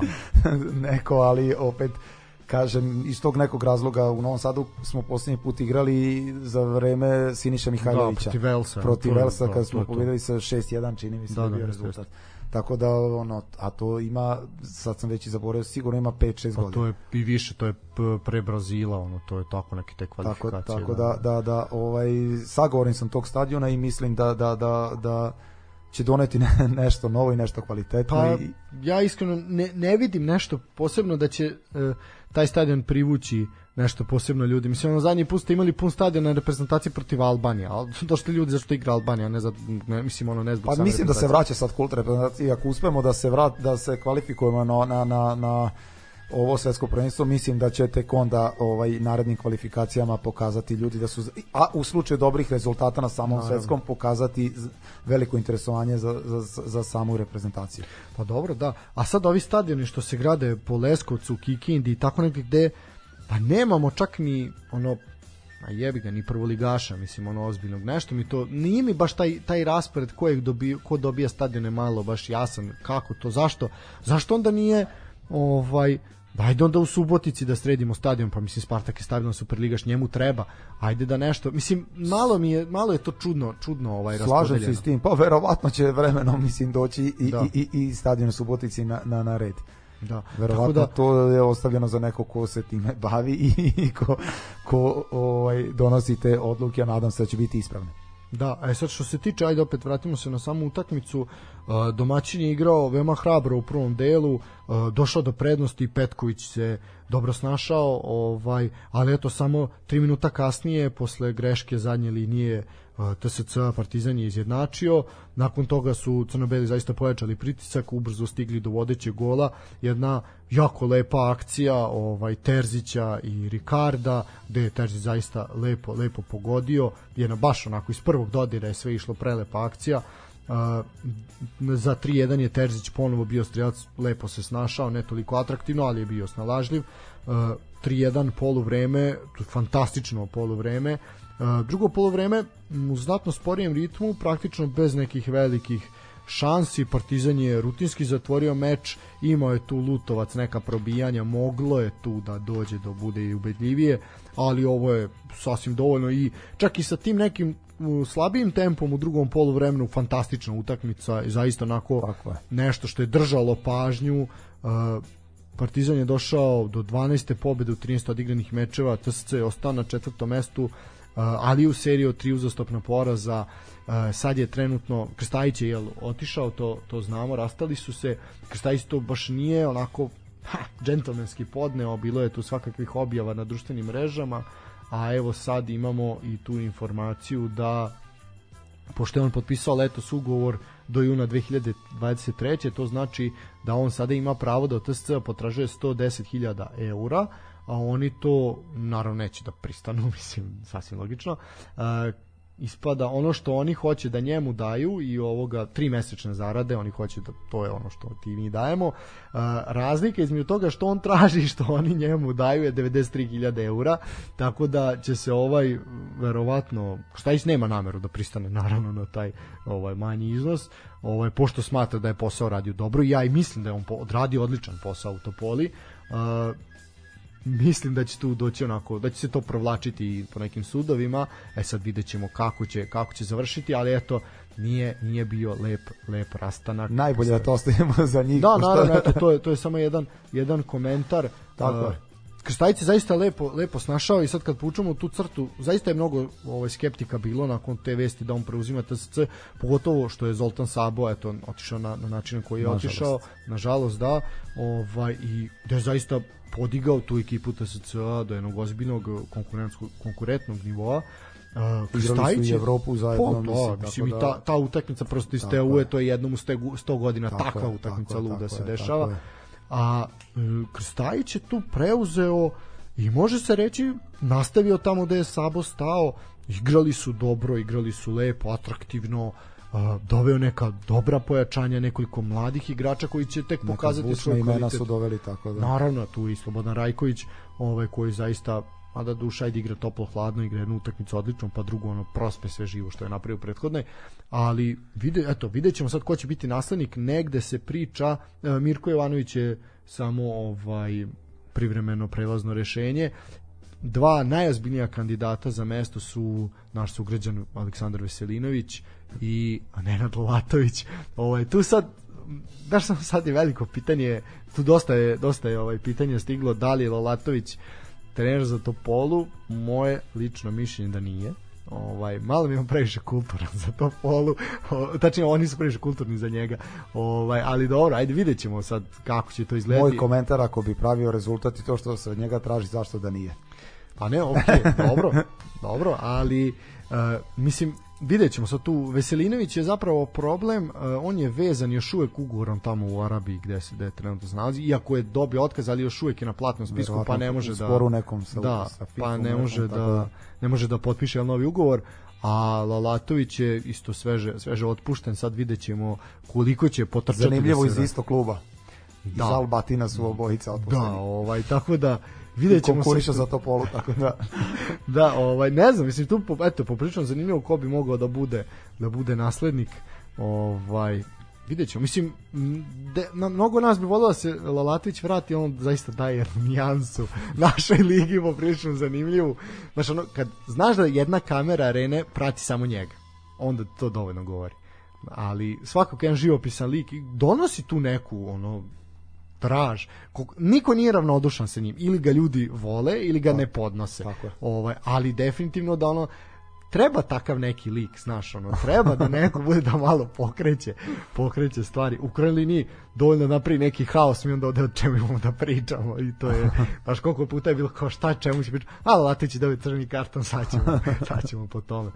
Ovaj, dobro, to je što se tiče uh, kažem TSC uh, i Krstajića. Što se tiče Aleksandra Stanojevića, on je eto, ovaj na jednoj večnoj listi Partizanovih trenera napravio mali napredak, znači na gostovanju u Bačkoj Topoli Aleksandar Stanović je prestigao legendarnog Tomislava Kaloperovića i sad je se nalazi na četvrtom mestu uh, po broju utakmica koje je neki trener vodio ekipu Partizana. Uh, on je do sada to činio 141 put, Kaloperović je ostao na petom mestu sa 140. Do kraja godine će sigurno prestići i Stjepana Bobeka koji ima 147 utakmica na klupi Partizana i krenuti u poteru za svakako legendarnim Ilješom Špicom, jednom od pionira futbala u, u Kraljevini i posle i u ovaj svakako u Federativnoj Narodnoj Republici Jugoslaviji, dok eto neprikosnoven će verovatno ostati Ljubiša Tumbaković sa 405 utakmica, to takvu dugovečnost će malo koji trener sigurno, naš uspeti da pogotovo u Srbiji sigurno. Pa u ovim vremenima to će to će biti jako teško za za odraditi.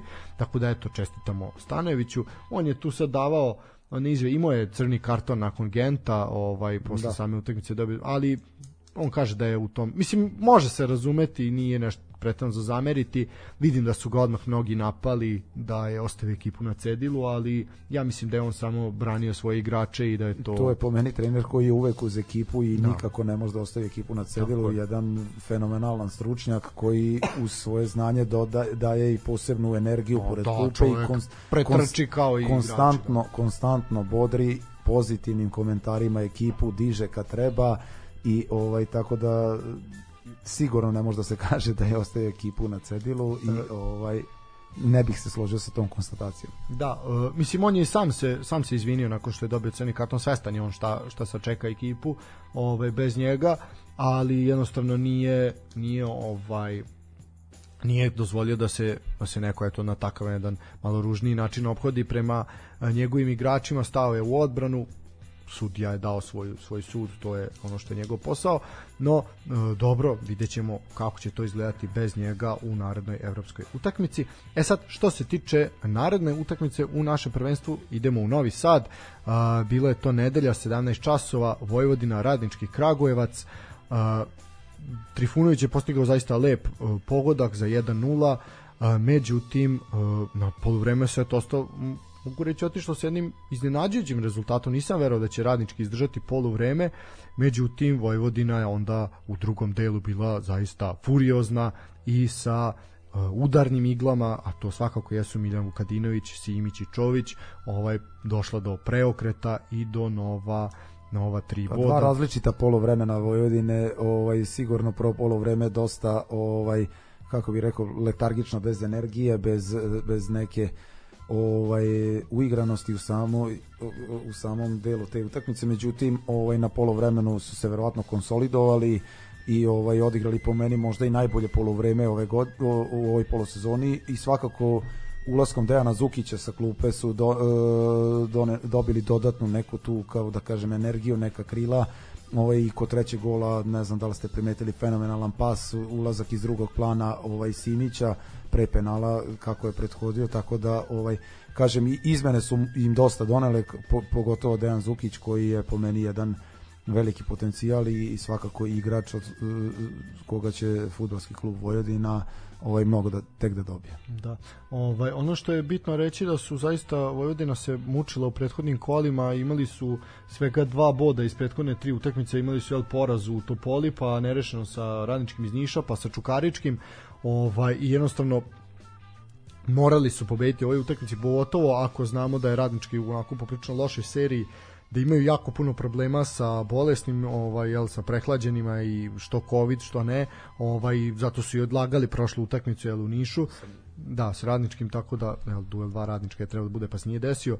Ovaj, I ovde su jednostavno došli roviti, ali eto, opet, pružili su dobro polu vreme, zapravo nisu ni oni toliko bili dobri koliko je Vojvodina možda bila ova ispod, ispod nekog nivoa i onda u drugom poluvremenu ne, nema šta. Eto, Prava slika Vojvodina u drugom poluvremenu i zaslužena ono, ono što se očekuje i to opet ona priča kao mnogo ove godine svi spore Vojvodinu da je poprilično limitirana. I jeste, da mi se ne lažemo, ali Vojvodina igra dobro, Slavoljub je našao sistem igre, uh, oni kad daju, oni daju po dva gola u utakmici. Znači ne možete pričati da ljudi ne igraju na, na, u napadu kad daju dva, tri gola po utakmici. Mislim ono, osim ajde sad ovaj zaista taj niz je bio bio loš, ali pre toga je sve bilo kako treba. Ma sigurno su to sve kvalitetni igrači, da li su u, u, u, u nekoj da kažem u nekom bili u nekom padu forme, ali bih se složio sa vama efikasna ekipa postiže golove, ovaj i, i, i sigurno da i njima treba neki da kažem period adaptacije pogotovo pošto je dosta igrača otišlo trener novi je došao i ovaj dobili su šansu neki mlađi igrači koji će pokazati kvalitet koji posjeduje sve su to mladi reprezentativci Bjeković, Topić, Zukić, Nešković, to su sve igrači da. koji su ovaj veliko blago Vojvodine i kažem sigurno da će pokazati pravu ovaj prave rezultate Vojvodina tek u narednim kolima, ali tek posle ovaj nadam se proletera. Dobro, doći ćemo i do te tog dela najave gradskog derbija. Ovaj svakako Slavoljub izlači uh, onako maksimum iz njih ovaj zaista je onako poprično energičan i kraj out linije i nekako isto isto kao i Stanović mislim to je ta slična sličan sličan pristup utakmici gde ono i on igra zajedno sa njima i vidi se da to daje, daje sebe 300% da, apsolutno. čovek je ovaj će ono dobiti terapiju za pritisak uskoro nastavi. Tako tako da ono ali ne zaista zaista što mu ovaj, ne želimo svakako. naravno naravno. Ovaj i po meni uh, bio je skoro je bila godišnjica onog derbija kada je on asistirao ovaj Moriri i Kleu ovaj gde su ga onako poprično ružno ispratili navijači Crvene zvezde njegovog kluba. Ovaj gde čini mi se da je sad kao trener mnogo borbeniji, mnogo nekako sa više žara pristupa tome nego što je kao igrač. I kao igrač je bio. Bio je, bio je, da, ali nekako mi sad ono... Davo je sebe 300%, svaki duel je išao 300%, svaku loptu i sve, tako da ovaj, na kraju krajeva i zato igrao u Crvenoj zvezdi da. i bio internacionalac u Rusiji, tako da sigurno je bio i kao igrač dobar i nadam se da će tako ako nastavi biti da, ono je kao igra na takvoj poziciji da ono se svaka greška vidi naš pa kao da ali ovde sad definitivno on ono zaista zaista daje daje sve od sebe i mi mu naravno želimo svu sreću naravno kao i Vojvodini naravno nakon utakmice s Proleterom. E sad idemo na završnu utakmicu ovog kola. Uh, pa ha, Da, ovako, šesta uzastopna pobjeda Crvene zvezde uh, protiv Radničkog iz Niša, bez primljenog gola, Uh, najavio je trener Stanković da je pobjeda zaista jedino što ga zanima u ovom meču sa Radničkim.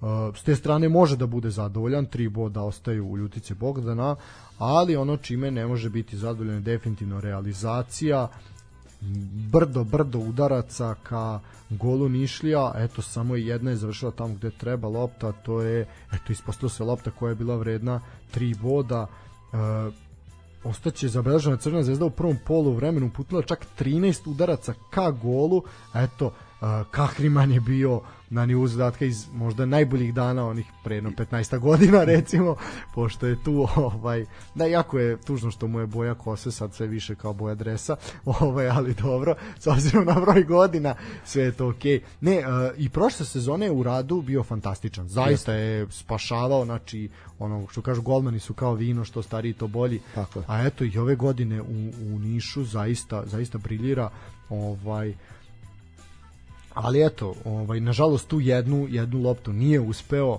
ovaj onu koju je uputio Falko sredinom prvog dela, ovaj ali je gol bio opravdano poništen zbog ofsajda, tako da se ne računa. Uh, mogli su u strelce da se upišu i Falko, i Stanić, i Ivanić, i Dioni. Mislim Dioni je ono pojava koju ja zaista ne bih komentarisao.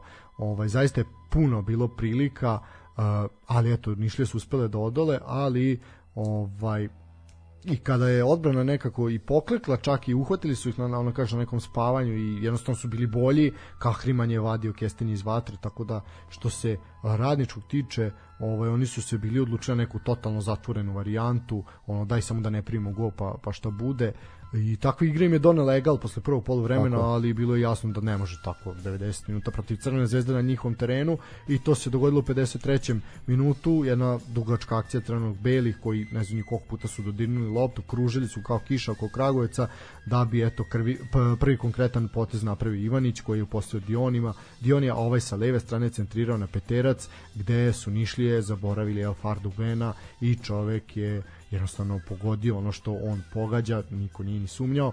Minut kasnije Ben je mogao da duplira prednost, ali se spetljao u odstom trenutku. Uh, Stanković je napravio posle trosuku izmenu, umesto Falka, Dionija, na teren su ušli Kanga i Sanogo, a mesta su zamenili i ti e, bonus igrači Stanić i Lazetić. E, jednostavno, crno-bel su kontrolisali dešanja na terenu, radnički iz Niša se tu zaista nije mnogo pitao, Lazetić je to šutirao nek sa nekih 7-8 e, metra 68 minuta, ali je Kahriman bio zaista na visini zadatka.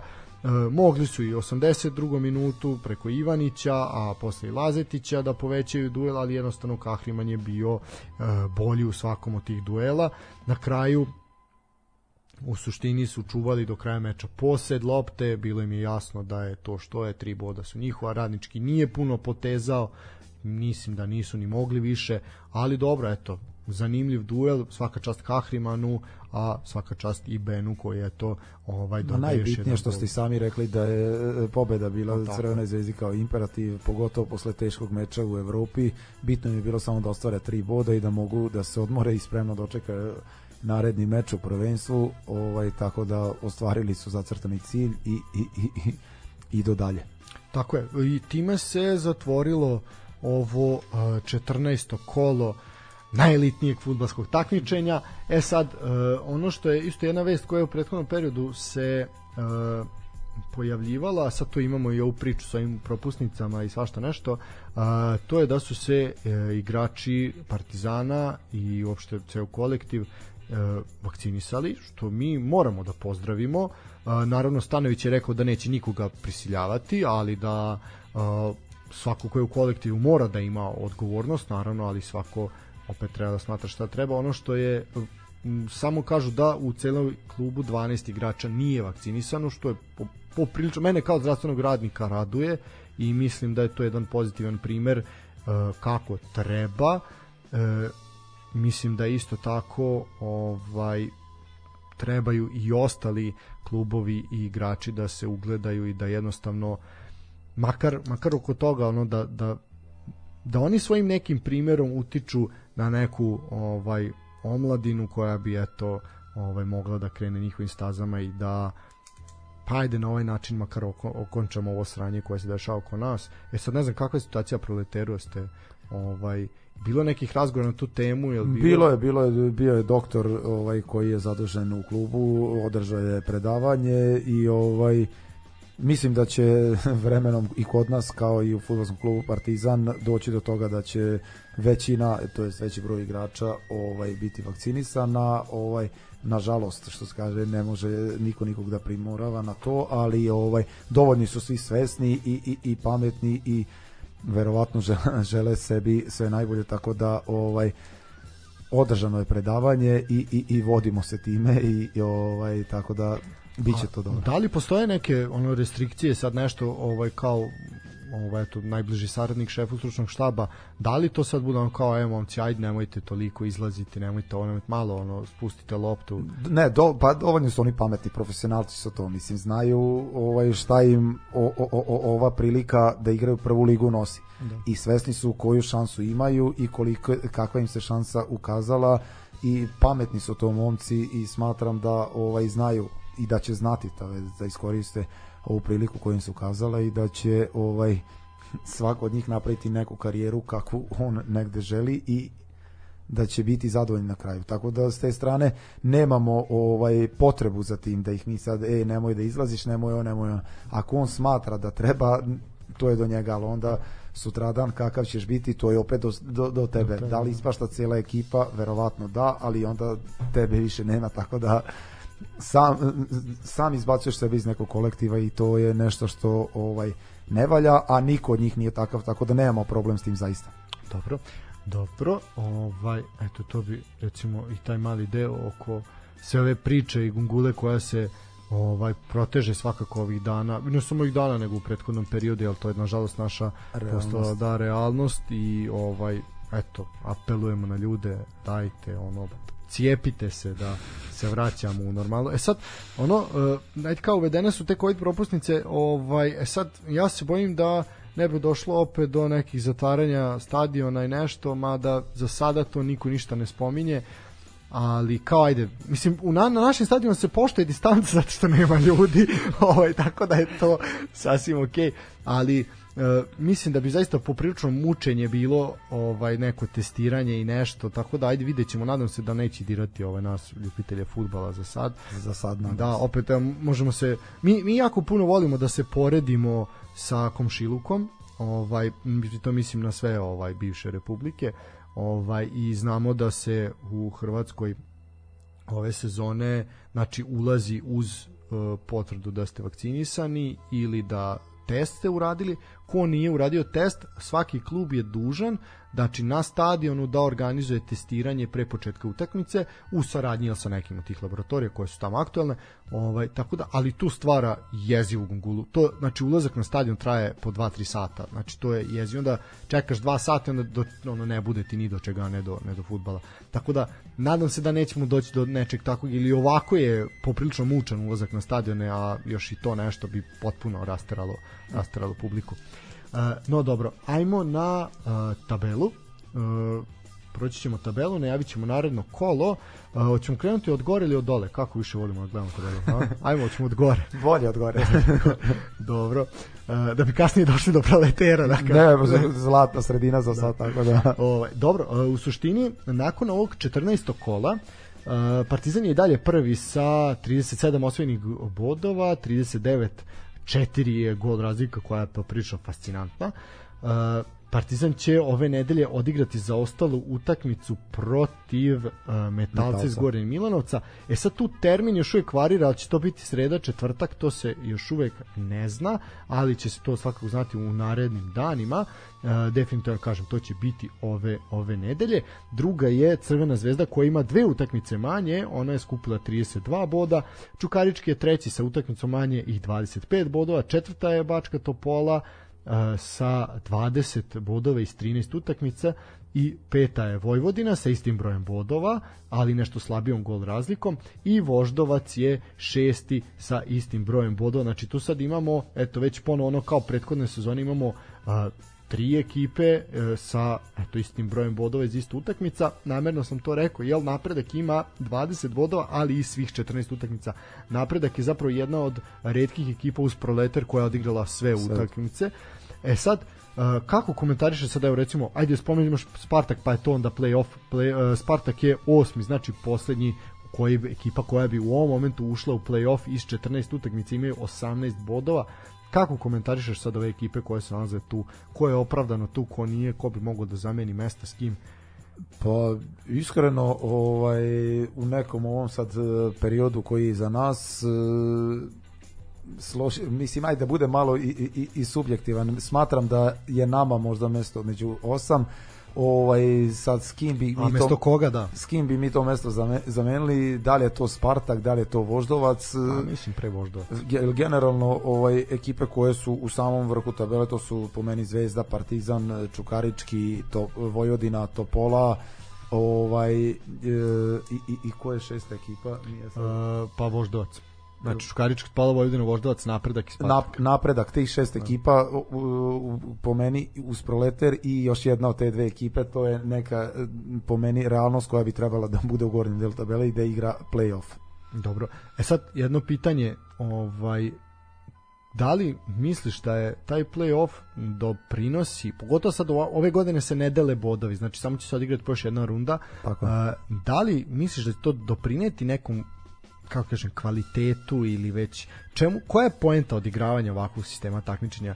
Mislim, jako puno utakmica samo, ali prilično, mislim, ništa, malo šta će se tu rešiti u tom... Tako, tom jedino može da bude, što se kaže, u, u play-offu dosta da kažem za te ekipe neke kvalitetnih utakmica Da. jer će igrati tri puta sa Zvezdom, Partizanom, Vojvodinom ovaj i moći će da se bore za tu Evropu pogotovo ako budemo imali jednog predstavnika više. Biće mnogo zanimljivije u samom plej-ofu a u play-outu će dobiti nažalost na draži jer dve ekipe ispadaju direktno dve igraju baraž.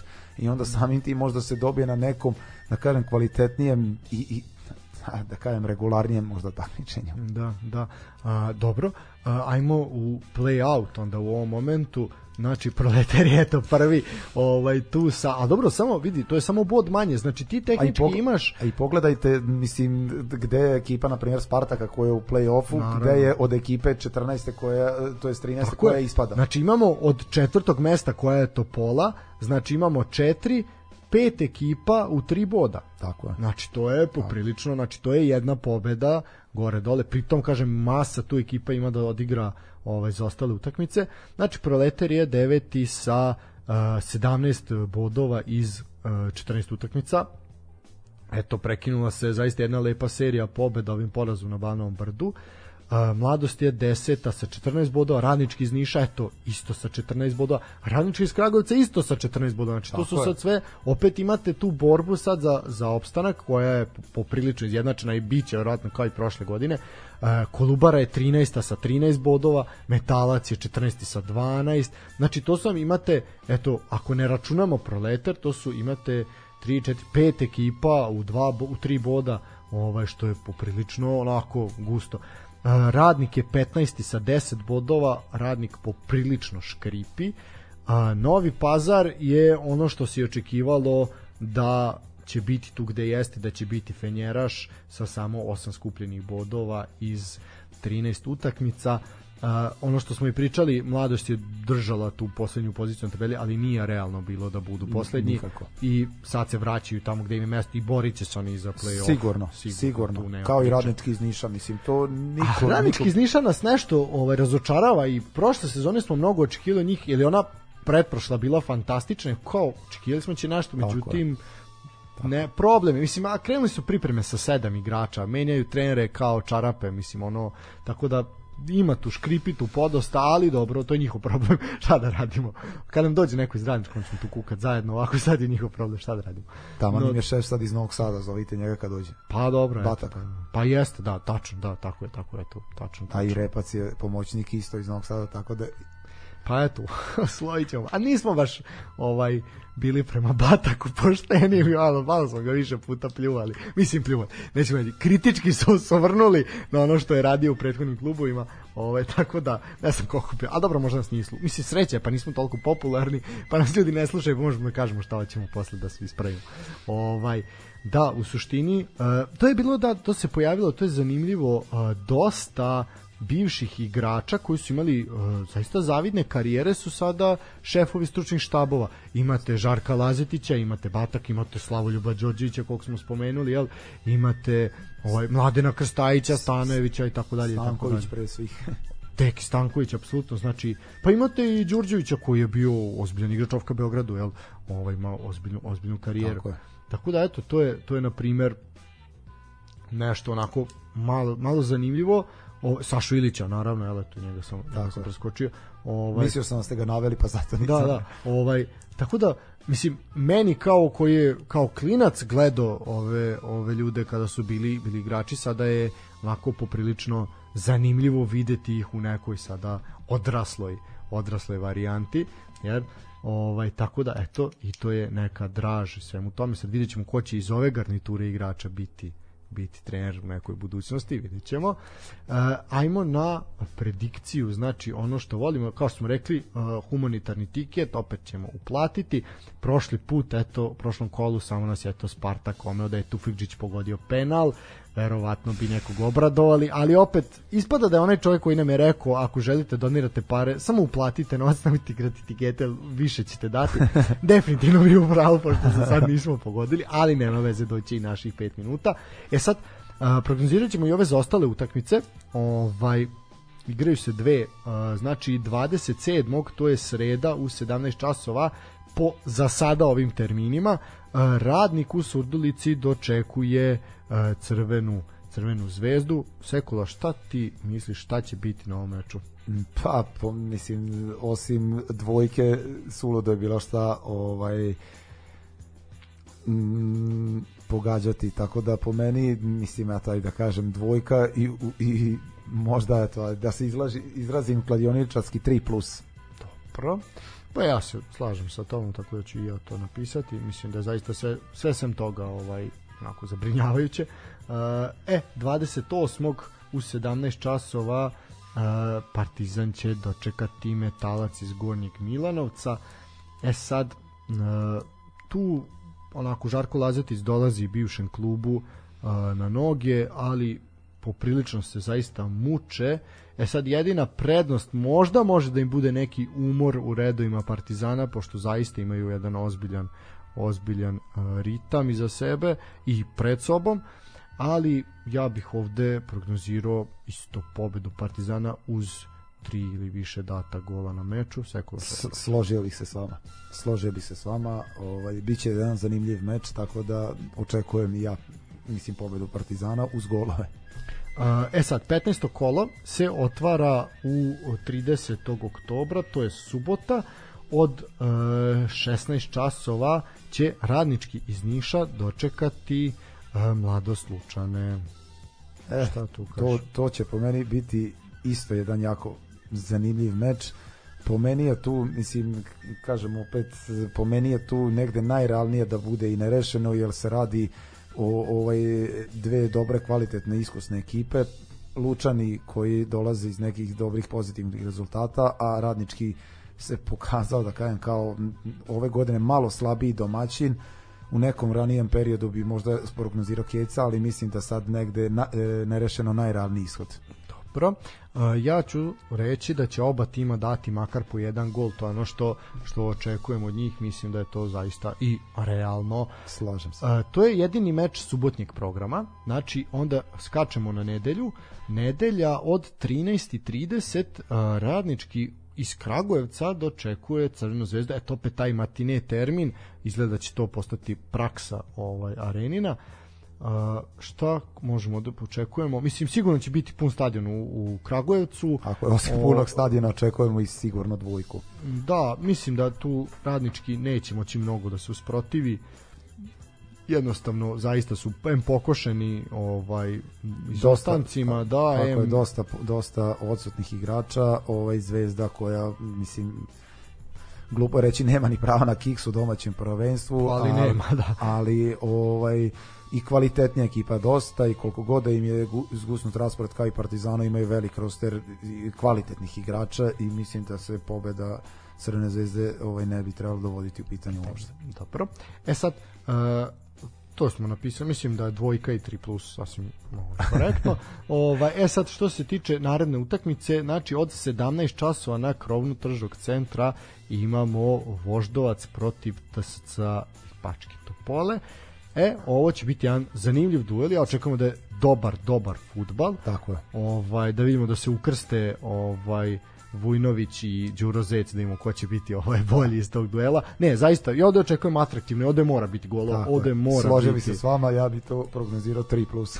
Dobro, ja ću dodati gol, gol i 3+, plus, znači da oba tima makar postignu po jedan zgoditak, što bi rekli, a od 18.30 istog dana na stadionu Partizana ugostiće ekipu koju predvodi bivši kapiten i legenda kluba Saša Ilić dovodi Čukarički na stadion u kom je zaista onako odigrao neke pa momente za, za pamćenje, što po srećnom, što po nekim tužnim momentima kao naprotiv Reala, no nije ni bitno. Uh, vidjet ćemo sad u novoj, novoj ulozi, vidjet ćemo kako će ga publika pozdraviti, ovaj, kako će to izgledati. Sigurno gromograsnim aplauzom. Da, ovaj, onako jedan emotivan moment će Tako biti, je. ovaj, kao i kada je napuštao. Tako da šta možemo ovde prekonizirati? Čukarički je dobro igra, to ste osetio na svojoj koži, ali definitivno ove sezone. E, jedini hendikep, da kažemo, je povreda Đorđe Jovanovića, koji je zaista onako najozbiljniji napadač u toj ekipi. Tako je. I to će biti problem. E sad, šta... Ali se po ovim prethodnim utakmicama to, nažalost, kažem, ne primeti Rakonjac, igrač koji je ovaj bio, da kažem, negde u, u, u ovaj A bio je, da. koji je ovaj. bio zapostavljen e, fenomenalnim partijama ovaj, Jovanovića, tako da ovaj pokazuje da je jedan isto dobar kvalitetan napadač i po meni tu ovaj to je jedna od retkih da kažem utakmica gde Partizan ili Crvena zvezda mogu negde da da da da da izgube bodove jer su ove godine ove godine stvarno od dve ono najkvalitetnije ekipe u ligi i ovaj po meni pobeda Partizana, ali opet i bih negde možda se i ovaj usudio da kažem i 3 plus, jer mislim da može da bude golova, jer jedni drugi igraju atraktivan futbal, napadački i, i, i očekujem i tu golove, tako da Da, ja ću reći gol, gol i 3 plus, mislim da je to sasvim, sasvim realno. E, to je što se tiče nedeljnog programa. E sad krećemo na, ove, na radnu nedelju. Znači u ponedeljak 1. novembra od 14 časova Novi Pazar će dočekati radnike Surdulica, eto duel dve poslednje plasirane ekipe na tabeli.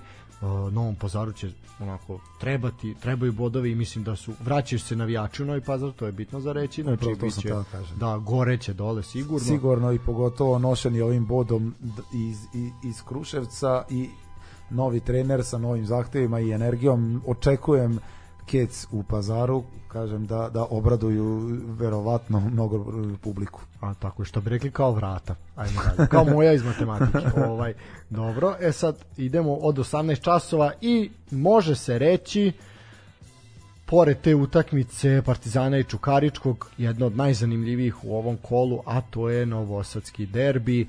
Proleter kao, da kažemo, fiktivni domaćin dočekuje Vojvodinu iako dele svoj futbalski dom evo već ovaj, nekoliko sezona.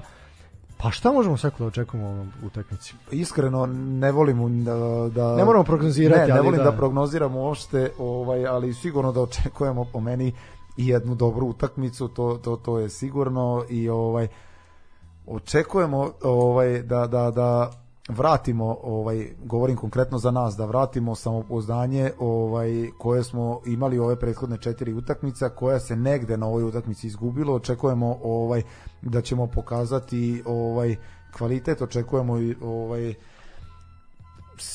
sigurno očekujemo, mislim idemo u toj utakmici na pobedi, na pobedu i očekujemo da se da, da, da ne izgubimo. Tako da eto, ako bih morao negde da da da prognoziram ishod tog meča, ovaj obzirom da smo mi domaćini, rekao bih Kecix. Tako da ovaj na pobedu idemo i, i isto i se nadamo, tako da time se vodim. Da, ja sad ono što ja želim iz ove utakmice, a to je da se ne desi ono što se dešavalo a, prethodnih puta, a to je da zaista onako da bude bez golova, da bude onako teško za gledanje, da konačno bude jedan atraktivan futbal kakav kakav dinamičan makar ovaj ono što što zaista i očekujemo da nam ove dve ekipe pruže.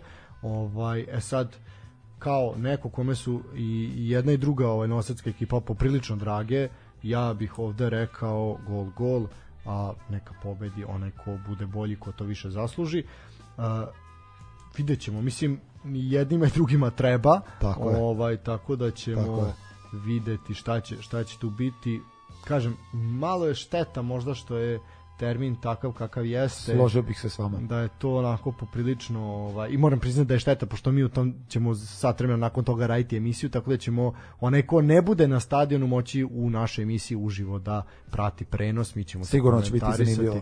pa biće mi nadamo se ovaj, Ne, govorim za, za to koji dođe, jer Da. ja, vođen ovim iskustvom da je zanimljivo u emisiji, tako da... A da, da, da, da. Ovaj dobro, dobro. A to smo počeli. Sad to ide to na kraju mi se hvalimo jedan drugog. A. Čekaj da ćemo da stane. To ima da, to, to pred kraj naš onda bude ono ja tebi serdare ti meni Vojvoda. Ovaj dobro, to je što se tiče ponedeljka. E sad eh, kolo se projektuje i na utorak, što je ne znam, ono mislim toliko idiotski da to nije normalno. Ne ne mislim ne znam, ajde kao uh, prethodne, prethodne sezone smo imali one uh, momente da se igra u istom terminu. Imali smo te arenine multicast prenose koji su bili poprično dobro urađeni i negde je bilo zanimljivo jer zaista prošle godine smo imali uh, manje kvalitetnu ligu nego ove, jer smo imali dva kluba više i onda i ta te ono pogotovo Zlatibor je bio poprilično tužan. Ovaj Da, imali smo četiri ekipa više. A, izvinjavam se, da, da, kako, kako sam odvalio. Da, imali smo Zlatibor Bačku, Inđiju i da. Okay. Javor. Javor, da. Ovaj, I onda ti dueli su bili onako i zamorni i sve i onda taj multikast prenos je bio dobar jer znaš, u svakom momentu se od te četiri utakmice negde nešto zanimljivo dešava i daje to na nekoj dinamici, znaš, pa onda krenu pljušte golovi pa daj uključuj se tamo vamo ali sad ovako jedna termin, jedna utakmica mislim da je to malo malo previše, jer jako se razlači to, jako puno traje. Počne u četvrtak, završava u utorak, malo to gubi na neko. Nekako je, znaš, navikli smo da kao ajde vikend je rezervisan, kao eventualno petak, ponedeljak, ali ovo sad već ide ono u nedogled. Baš nek, po meni je, po meni je ovo pre, predaleko. Ajde, okej, okay, uzmemo u obzir da metalac igra utakmicu i u četvrtak, ali, ali opet, ne znam, sad op, i tu dolazi ona priča da je problem sve ekipe koje su odlagale će imati popriličan problem da nadoknade zgusnut raspored tako. Da, jer sad imamo takmičenje u kupu u kom ćemo kratko isto prokomentarisati, ali imate opet reprezentativnu pauzu koja vas čeka iza ugla, mislim, tako je utakmica i tu ide ide pauza. Tako da opet u tom momentu će ja se nadam da će neko odigrati u toj reprezentativnoj pauzi jer da se ne verovatno će morati. Moraće, da ne, jel sad opet kažem ne znamo o tome smo prošli put pričali i nismo uspeli da dođemo da li da bi se završio jesenji deo prvenstva zvanično e, mislim da ne mogu da se prenesu utakmice u prolećni deo. Znači, svi bi morali do eto kog decembra da završe 15, sve to. Da, da. Tako, tako da to će biti biti jako, jako, jako nezgodno. Pogotovo što imaju i kup i Evropu, mislim, to sad ide onako na svim frontovima. E sad, no, ajmo, ajmo dalje. E, kao što smo rekli, 14 časova u utorak Kolubara Spartak. Šta tu? Uf, uf, uf, Kolubara Spartak. Pa iskreno, ovaj, očekujem, da, očekujem, Spartak dobro igra. Spartak dobro igra u nekom je naletu forme, dobili su dve utakmice za redom, nisu primili gol, tako da blagu prednost bi dao Spartaku, eto, ako ovaj, može tu bih isto stavio x2 na Spartak.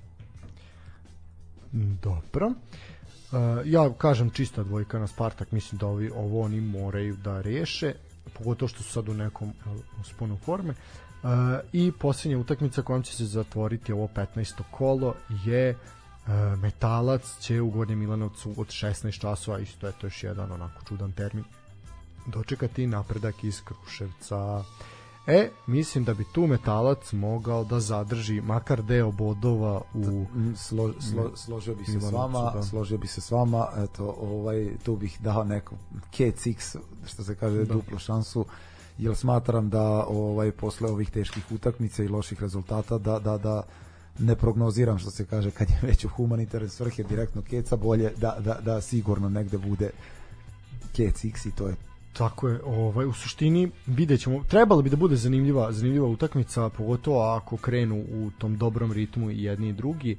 E sad e, što se tiče kupa, kratko ćemo se osvrnuti na to, znači odigrane su tri utakmice, Metalci savladao Žarko sa 3-2, Partizan je dobio Trajal iz Kruševca sa 3-0, a Radnik iz Surdulice je dobio Radnički iz Kragujevca 2-0, tada su i počeli problemi Radničkog. E sad, uh, utakmice se igraju 27 ovaj to je sreda. Znači u sredu, ajde kratko ću pretrčat ćemo samo, nećemo puno on, prognozirati. Novi Pazar dočekuje budućnosti Dobanovaca, tu su apsolutni favoriti. Sloga iz Požege dočekuje Rad. Eto će biti poprilično zanimljiva utakmica i Rad će se ozbiljno namučiti da u Požegi dođe do pobede. E, a u Bačkoj Palanci jedan uh, južnobački derbi, Bačka dočekuje Proleter. Šta dočekujemo od toga? Pa, opet kažem, e, idemo na pobedu i realno bi bilo i sve osim prolaza bi smatrali nekim neuspehom, da kažem. Tako da očekujemo pobedu.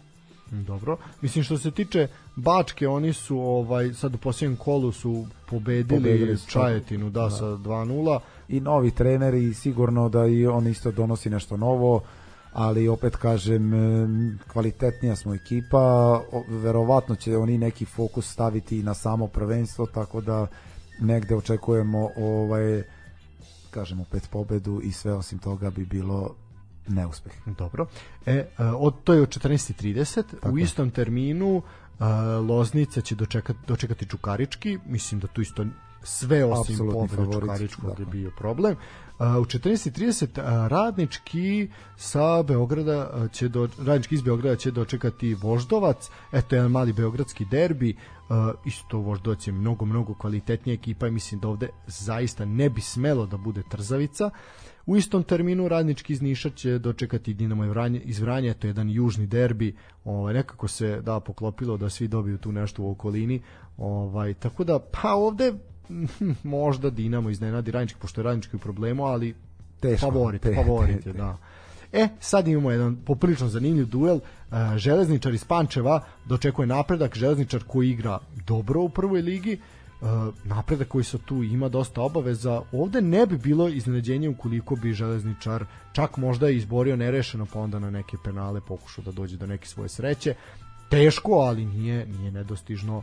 Na ozbiljnu ozbiljnu ekipu su sastavili u Pančevu ovaj Brane Ilić bi mogao da to iznese na svojim leđima. Ne, vidjet ćemo. Ovo može biti, ovo može biti poprilično. Eto, ako ne radite u sredu, a u Pančevu ste, svakako ovo treba da Sigurno. pogledate. Sigurno. Uh, 14.30 Zlatibor Čajetina, Bačka Topola, TSC, to je Sve osim dvojke. Apsolutno, Đuro Zec mora to da reši.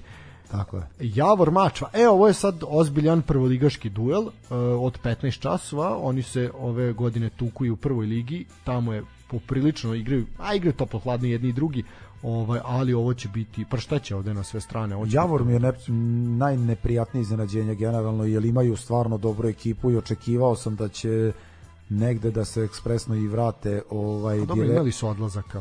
Da. Pa imali su odlazaka, da, ali gro igrača, da kažem, je ostao i to su sve igrači koji mogu da igraju Superligu i prvo mi je iznenađenje što su ostali, ali verovatno su negde i ugovorom vezani, tako da kažem, obzirom na ekipu, sve osim njihovog direktnog povratka u Superligu je za mene ono što se kaže neki neuspeh. Tako je, slažem se za tim, ali vidjet ćemo i Mačva želi, i Mačva želi nazad. Tako e sad, e, imamo od 16 časova Spartak u Subotici dočekuje e, Leskovačku Dubočicu, tu nema priče, Apsolutni favorit. ništa da. E, 16 časova, jedan repriza finala kupa, Vojvodina protiv Jagodine da ovaj samo ovaj put mnogo mnogo slabija Jagodina koja zaista onako i poprilično I nadamo se da je repriza onog finala kad je Vojvodina da pobedila. da da da, Tako da, da, da, ne bude ono Tako prethodno da Kec očekujemo i to je to. dobro.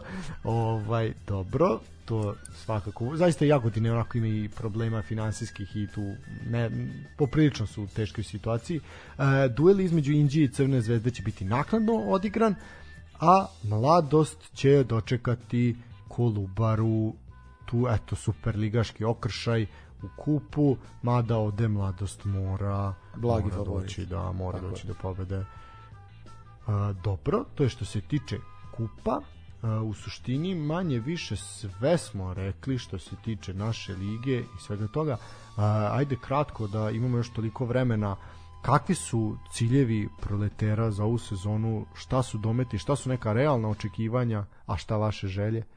Pa dobro, negde ovaj, i, i, i očekivanja i želje su te da, da izborimo uh, plasman u play-off. To bi negde ovaj, bila očekivanja i težimo ka tome i kažemo opet uh, daćemo sve od sebe da to negde očekivanje koje smo negde da kažem hajte mi postavili ispred sebe i ostvarimo tako da nadamo se da ćemo izboriti plasman u play-off. Dobro, a što se tiče kupa, kako je to? Mislim, Pa koliko sad ozbiljno shvatate tako takmičenje? Isk- iskreno shvatamo, mislim shvatamo ozbiljno kad to kažem, ovaj idemo što se kaže od utakmice do utakmice. Izvukli smo Bačku koju svakako respektujemo, poštujemo, ali smatramo da smo kvalitetnija ekipa i idemo s namerom da pobedimo, pa u slučaju prolaza, ovaj onda ćemo videti koji nam je sledeći rival i šta da očekujemo dalje od te utakmice.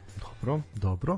U suštini eto sve smo rekli, rekli smo da svakako ovaj od povećanja se svakako najviše očekuje nakon ovih zimskih priprema. Tako je, tako je, tako Ovaj, je. Mislim, ali- dosta su oni već i doneli Tako, generalno. bez- Evandro je već postigao dva gola, Kun je postigao gol i kažem Lambulić koji se ustalio negde u zadnjoj liniji koji je pokazao Pa dobro, i Kun provodi se više minuta na terenu. Tako je, tako je i sigurno da njima treba neki da kažemo opet koliko god da je e, da su to igrači koji su došli da kažem iz ozbiljnog takmičenja treba im neki period adaptacije i smatram da će se što brže uklopiti u sve zahteve šefa i da će što brže ovaj krenuti da, da, da, da, da daju sve to što se od njih traži i što na kraju kraja klubi očekuje od njih, zašto, zašto su i dovedeni. Tako, tako da. Je. I očekujemo da se što pre Nikola Ninković priključi ekipi jer e, bi predstavljao stvarno prvo povećanje za, za sve nas u klubu, a posle i za sve te, da kažem, i, i igrače koji samim njegovom pojavom na terenu Tako. moraju da, da, da, da shvate kako, o kakvom se igraču radi i da polako negde ostvarujemo i još bolje rezultate od ovih koji su trenutno što se kaže na snazi. Tako je. Ovaj, ono što ja hoću zaista da pohvalim Proleter, a to je aktivnosti na društvenim mrežama i humanitarne akcije kojih je bilo ove sezone i zaista onako prava šteta i to smo mi komentarisali misli kada je bila ova humanitarna akcija i onda je bio radni dan ono na 55 stepeni na Karadžu to je ostaje takva tuga ali opet sreće je što je preko Geekstixa ovaj to zaista Tako otišlo je. i moram da pohvalim tu saradnju sa Geekstixom koja je zaista na vrhunskom nivou i jako lako se može doći do karte i zaista ono ne mora se čekati pred blagajnom nego se to u dosta dosta poslovnica po gradu može kupiti karta tako da eto mi kada idemo gledamo proletar uglavnom tako radimo. Ovaj tako da je to zaista zaista pohvalno.